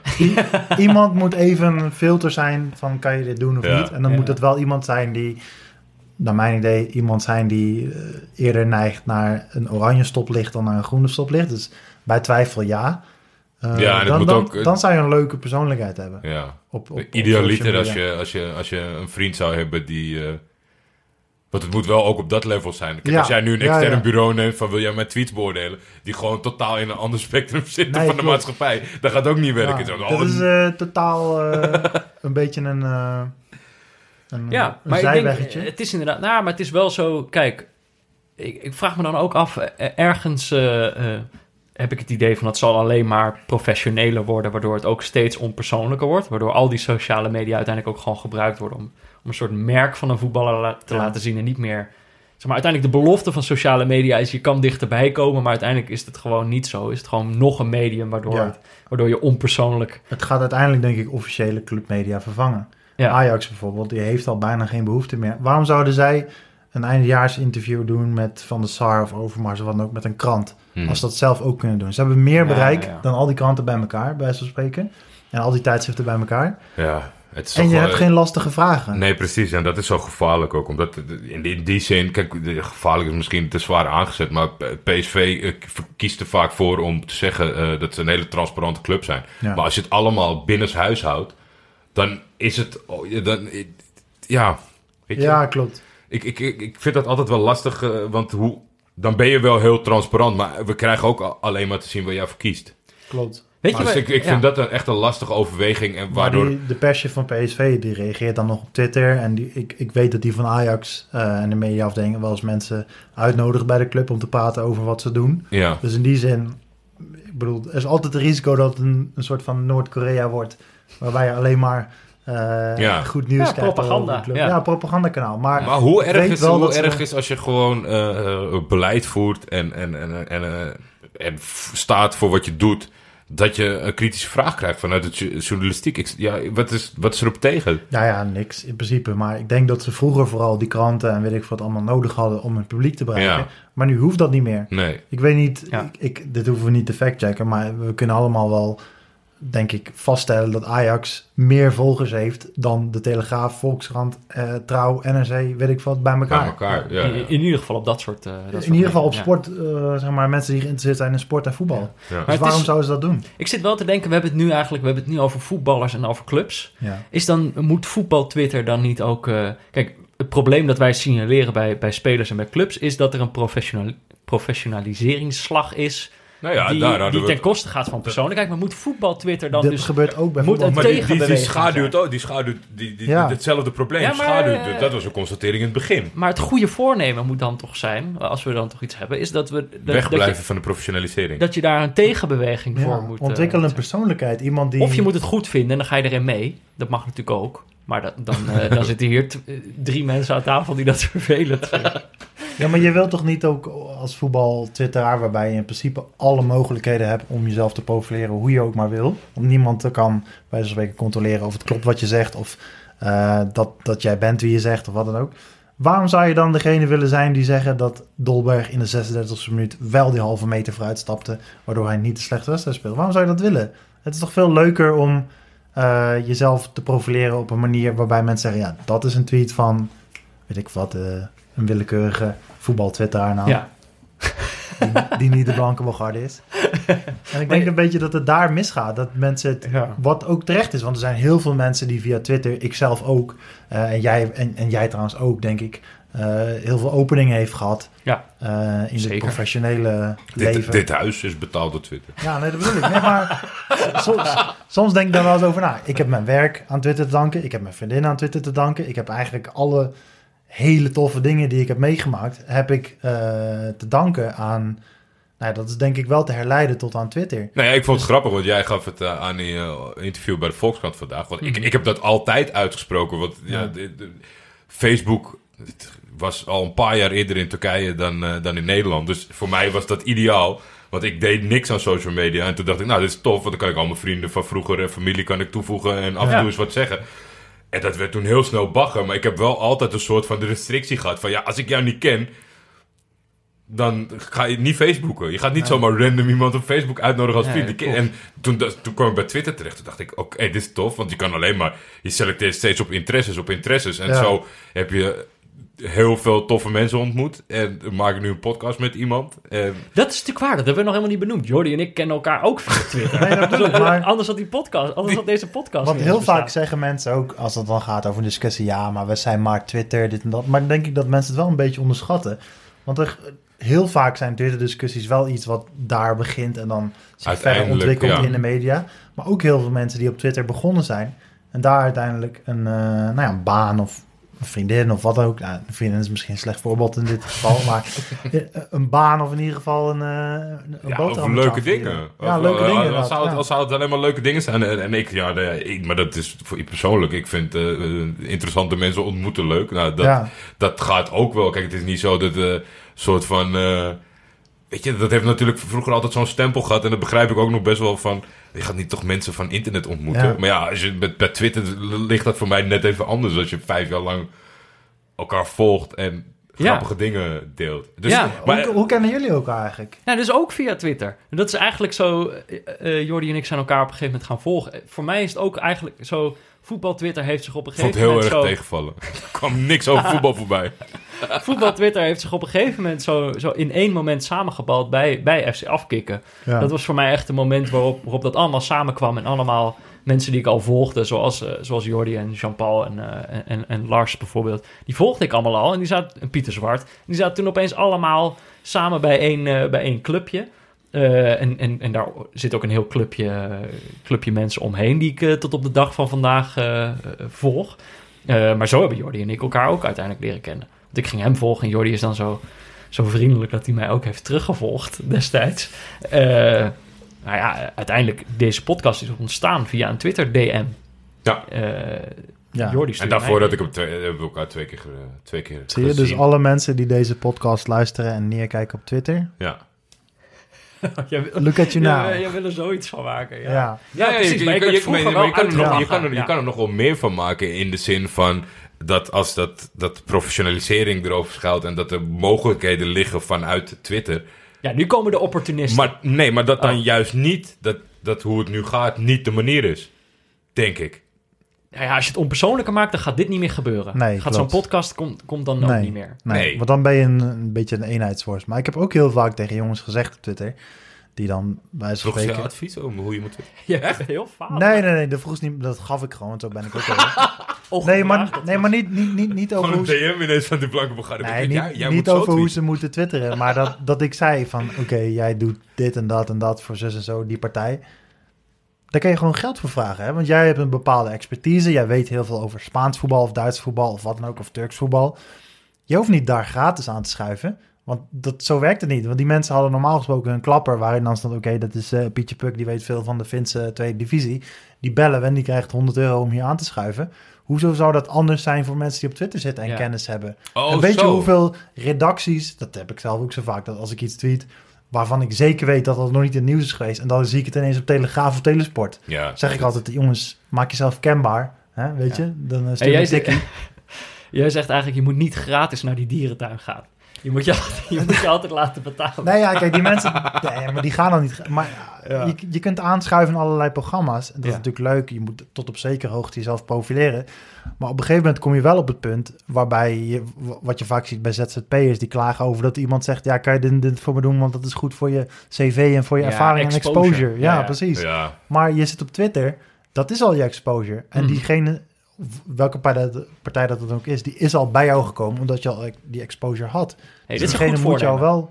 Dit is een goed voornemen. Ja, laat je man. betalen. Toch? Laat, je betalen. ja. Laat Zullen je, we... Oké, laat wacht. je. Ik vind, eigenlijk zijn we, eigenlijk, eh, eigenlijk, eigenlijk zijn we mooi rond. Maar eh, Jordi en ik hadden zoiets van... We wilden zoveel mogelijk concrete voorbeelden hebben... van, eh, van, van grappige momenten van voetballers op sociale media. Ja. En we zijn dat lijstje nog niet helemaal doorgekomen vandaag. Maar Jordi, heb jij nog wat dingen die... Je had een heel lijstje gemaakt.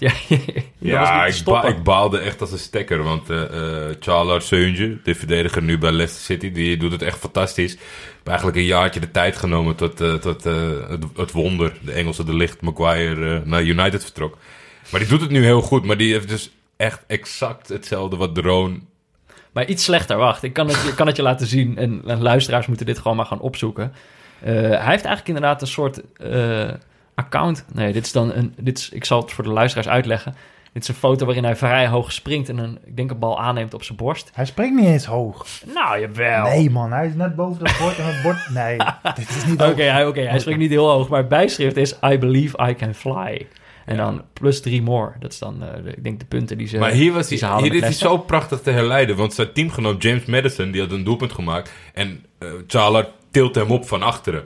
En toen hadden mensen eh, een Photoshop ernaast gezet van eh, Simba. Ja. Met de Lion King. Ja. En dat was natuurlijk ah, super grappig. En het account buiten hem, van Leicester City buiten hem ook echt uit hoor. Hm? Elke keer, want hij kapt of draait wel eens achterin. En elke keer nu, dat is weer de Cruyff-turn, geloof ik, Hier eergisteren. maar dit. Hij had ook een tweet over dat, eh, dat 2020 begonnen is. We are entering 2020. En dan ook plus drie. Dat ze weer drie punten hebben gehaald. Er staat een gifje bij van een, een karakter uit de Pixar-film, geloof ik. Zo ziet het er in Prince Charming. uit.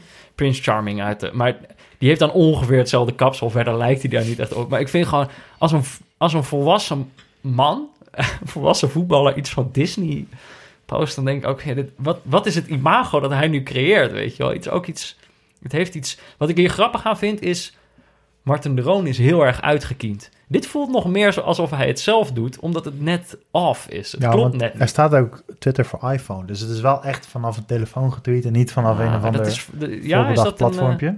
Ja, dat is voor mij wel een, eh, een giveaway. Maar ja, dit is wel... eh, Ja, vind ik jammer, want hij is een ontzettend goede voetballer en die een eh, ontzettend een goede ontwikkeling ja, en hij maakt een soort kinderachtig imago van zichzelf. Ja, ja, vind ik jammer. het Ja. leukste is inderdaad gewoon voetballers waarvan je onmiddellijk kan zien dat ze het zelf doen. Anko? Jansen. Anko, ja, die wilde ik noemen. Anko. Jansen. ehm, je hebt, dit is geen voetballer, maar Hans van der Zee, die is een scout bij Ajax. Ik weet niet of hij het zelf... Is, nou, is, is hij dat nou? Nou ja, dat, dat, Hij is zo'n mysterie. Ja, maar Met het is- zo'n likeje om twee uur s'nachts. Ja, Het- maar dat is het hele... Hoe ik heet die, weet- Hans van der Zee? Ja, Hans van der Zee. En dat was... Is het deze? eh, het- nee, nee, nee, Oh. dit is hem niet. Dit Oh, is, nee, dit is- dit- dit is een fan van Vincent. Je kan hem vaak in deze contraien tegenkomen. Hij woont in Diemen. Eh, ja, die tweede. Kijk, Hans van der Zee is een legendarische scout. Ja. Of was, of is, dat weet ik niet. Een maar leuk- die liked heel... Je moet je naar zijn likes... Ik weet niet of hij weet dat iedereen zijn likes... Dat mensen kunnen zien dat hij iets liked. Maar als, als ik bijvoorbeeld iets kritisch zeg over Ajax af en toe... Weet je, als ik zeg... eh, Nou, hij heeft bijvoorbeeld jouw tweet geliked over, dat het meest, over die dierentuin. Ja. Die, die domme dierentuin in, eh, in Dubai. Ja, precies. Maar hij, doet, hij liked heel veel dingen, maar ook heel veel dingen die heel kritisch zijn over Ajax. Dus ik vraag me af, inderdaad, wat Jordi zegt. Ah, is hij het? Het lijkt me wel, want Ja. Hans van der Zee is niet iemand die je gaat nadoen of zo. Je, je bent, ja, je bent niet de fake Hans van der Zee. Dat zou heel raar zijn.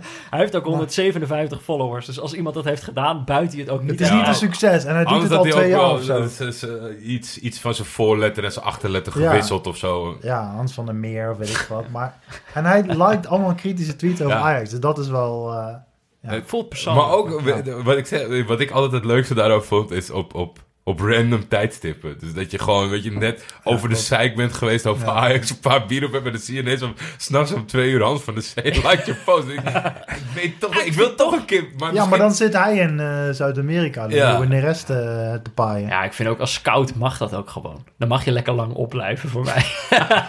Klopt wel, scouts slapen nooit. heb, je nog, heb je nog andere voorbeelden? Ja, nee, ik, ik moet zeggen, ik merk dat ik heel snel in mijn eigen, in mijn eigen hoekje bleef. Maar ik vind eh eh Jack Nee, Ja. de spits, eh, die, Die ook zijn transfer via, naar Galas, Galatasaray ook aankondigde via Instagram voordat het officieel aangekondigd mocht worden. toch? Dat soort en dingen. die heb echt gewoon van die geanimeerde dingen. Het is heel super amateuristisch. Ik, Ja. Hij doet het niet per definitie zelf, maar hij vindt het zelf wel leuk. En het mooiste aan hem, dat ik kon drie eh all-over print outfits eh, vinden. Dus dat is hij helemaal Louis Vuitton of helemaal Fendi. Een soort full kit wanker. Ja. Ja, wat leuk. Maar dit is wel, ja... Maar daar hadden we, hebben we het Wel niet eens over gehad. Dat ze- zeg maar zelfs spelers... eh want natuurlijk Promes, voordat hij naar Ajax ging... Dat was ook een, eh, een, een soort uitgebreide social media flirt ging eraan vooraf. Eh, Ja, maar die was echt opgezet met Ajax. ja, ja, Ja. ja, ja, ja. Terwijl eigenlijk mensen zouden van tevoren denken, ja, dit, is, dit, dit gaat niet gebeuren, dit is te geforceerd. Maar hoe zat het dan met, met, met Bergwijn? Want daar zeiden mensen ook over. Toen heeft Jordi, Jordi ook een screenshot van Snapchat van, van eh, Steven Bergwijn. Dat hij op zijn scootertje zit hier ergens in Ja, de buurt. Klopt. Bij de arena. Dat is Eh, wel heel raar, ook omdat het niet van de, van de grond is gekomen. Ja, misschien Ja. is die gewoon geklapt uiteindelijk en was het wel, maar dat zou raar zijn, want dat zou wel onprofessioneel zijn Ja. dat je het social media plan al in werking zet voordat überhaupt eh, ook maar zicht is op een handtekening. Maar het zou goed kunnen, je weet het nooit. Ik hoef Ja. niet bij Ajax, maar dat terzijde. Ja. Ja, het kan ook natuurlijk nog een onderhandelpositie zijn geweest. Wat? Naar PSV toe. Ja, dat hij Zo een beetje ging flirten om, eh, Ja, dat zou goed kunnen. eh, Ja, maar zie je, zo, zo belangrijk zijn die accounts dus geworden. oh, dat zeker. Ja, dat is echt wel zo zeker. hoor. Ik Ja, denk dat mensen dat. Mensen doen heel vaak lacherig over social media. Ja, het is een Facebook, Instagram, Twitter, bla bla bla. Maar dat is gewoon jouw, dat zijn je een beetje jouw, jouw ballen die je op tafel kan leggen als jij eh, gaat onderhandelen met een merk of met een club of wat dan ook. We hebben Je kan echt ja. een club, nou niet kapot maken, maar als, als Bergwijn bij wijze van spreken op, op eh, Instagram zou zeggen van Bommel en dan een clown emoji. Ja, dan staat die club in de fik, hè? Ja. Maar dat hebben mensen, denk ik, dan, dan doen ze beetje, ja, dat is maar Instagram. Maar dat zou echt een hele grote shit. doen ze Ja. niet, maar het zou kunnen. Ja. En dat hangt altijd wel een beetje erboven. En dat hadden ze vroeger niet. Wat ging je vroeger doen? Eh, Mike Verwij bellen, ja. ja. Ja. Iets roepen in een kroeg.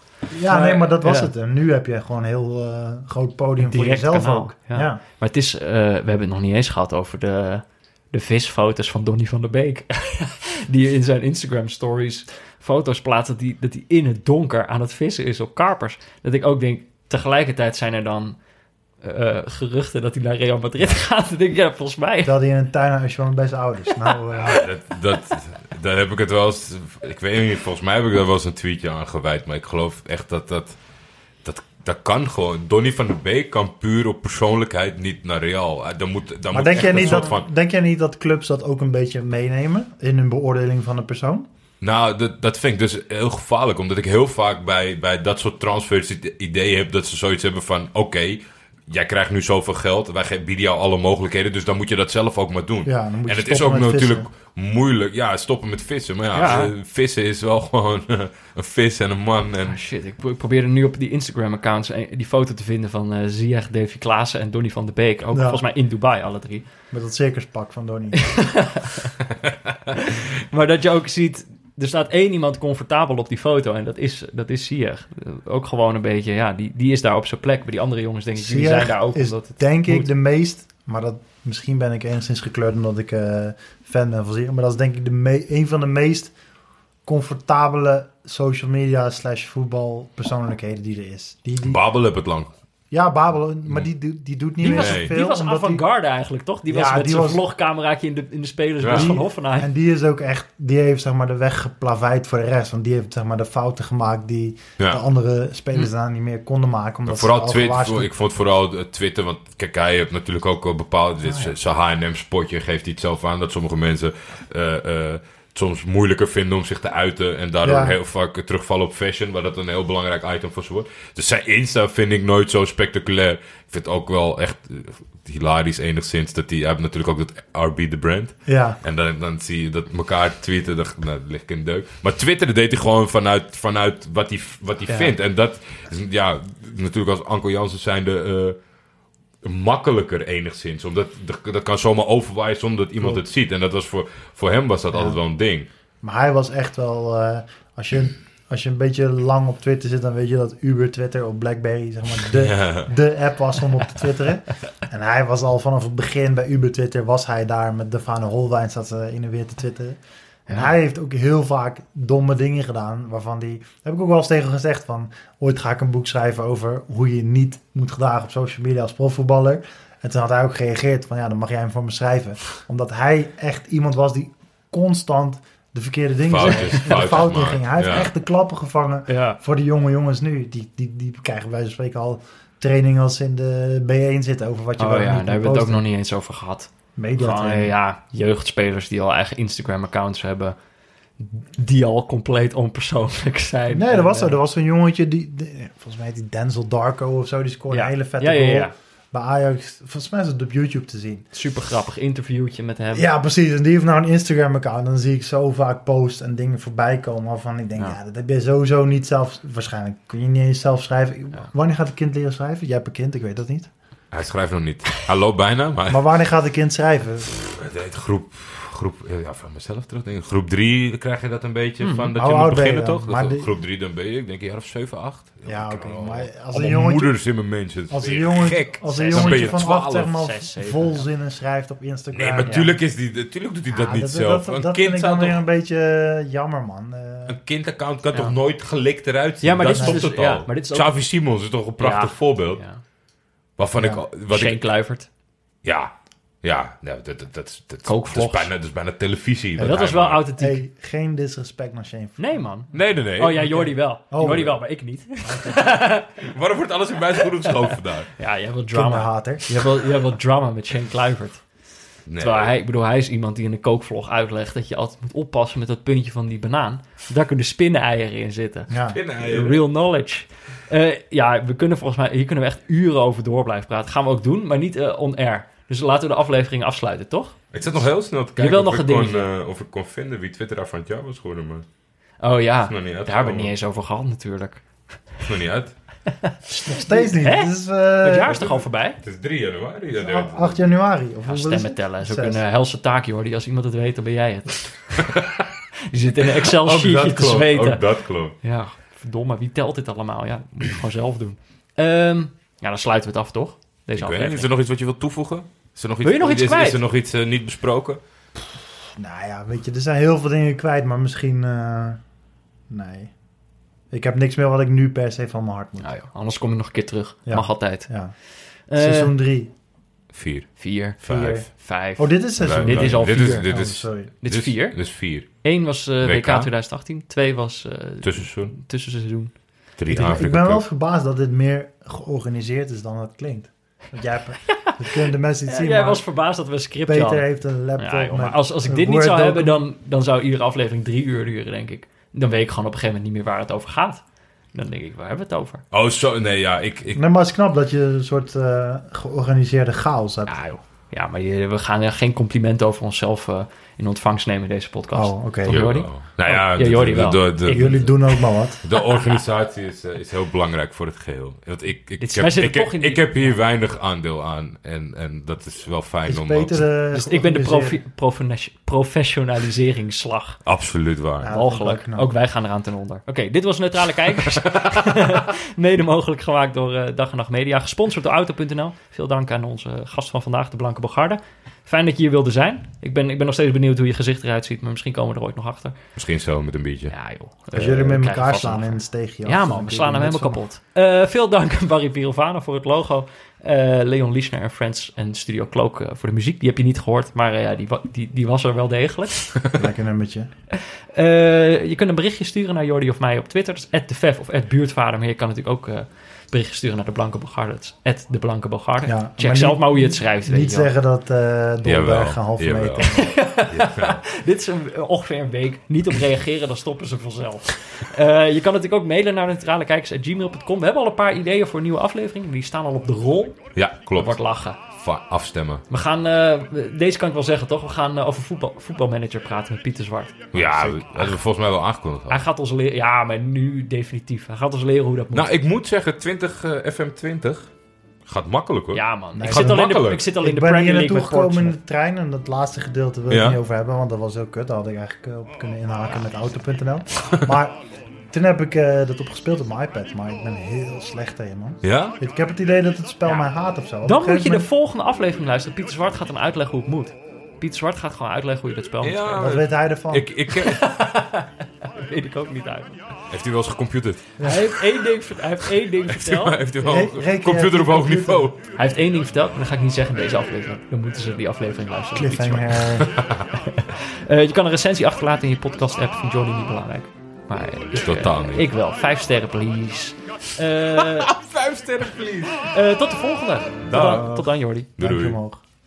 Lekker. Duimpje omhoog, ja. Duimpje omhoog. Ja, dat is dit echt moet je doen, man. cashphrase.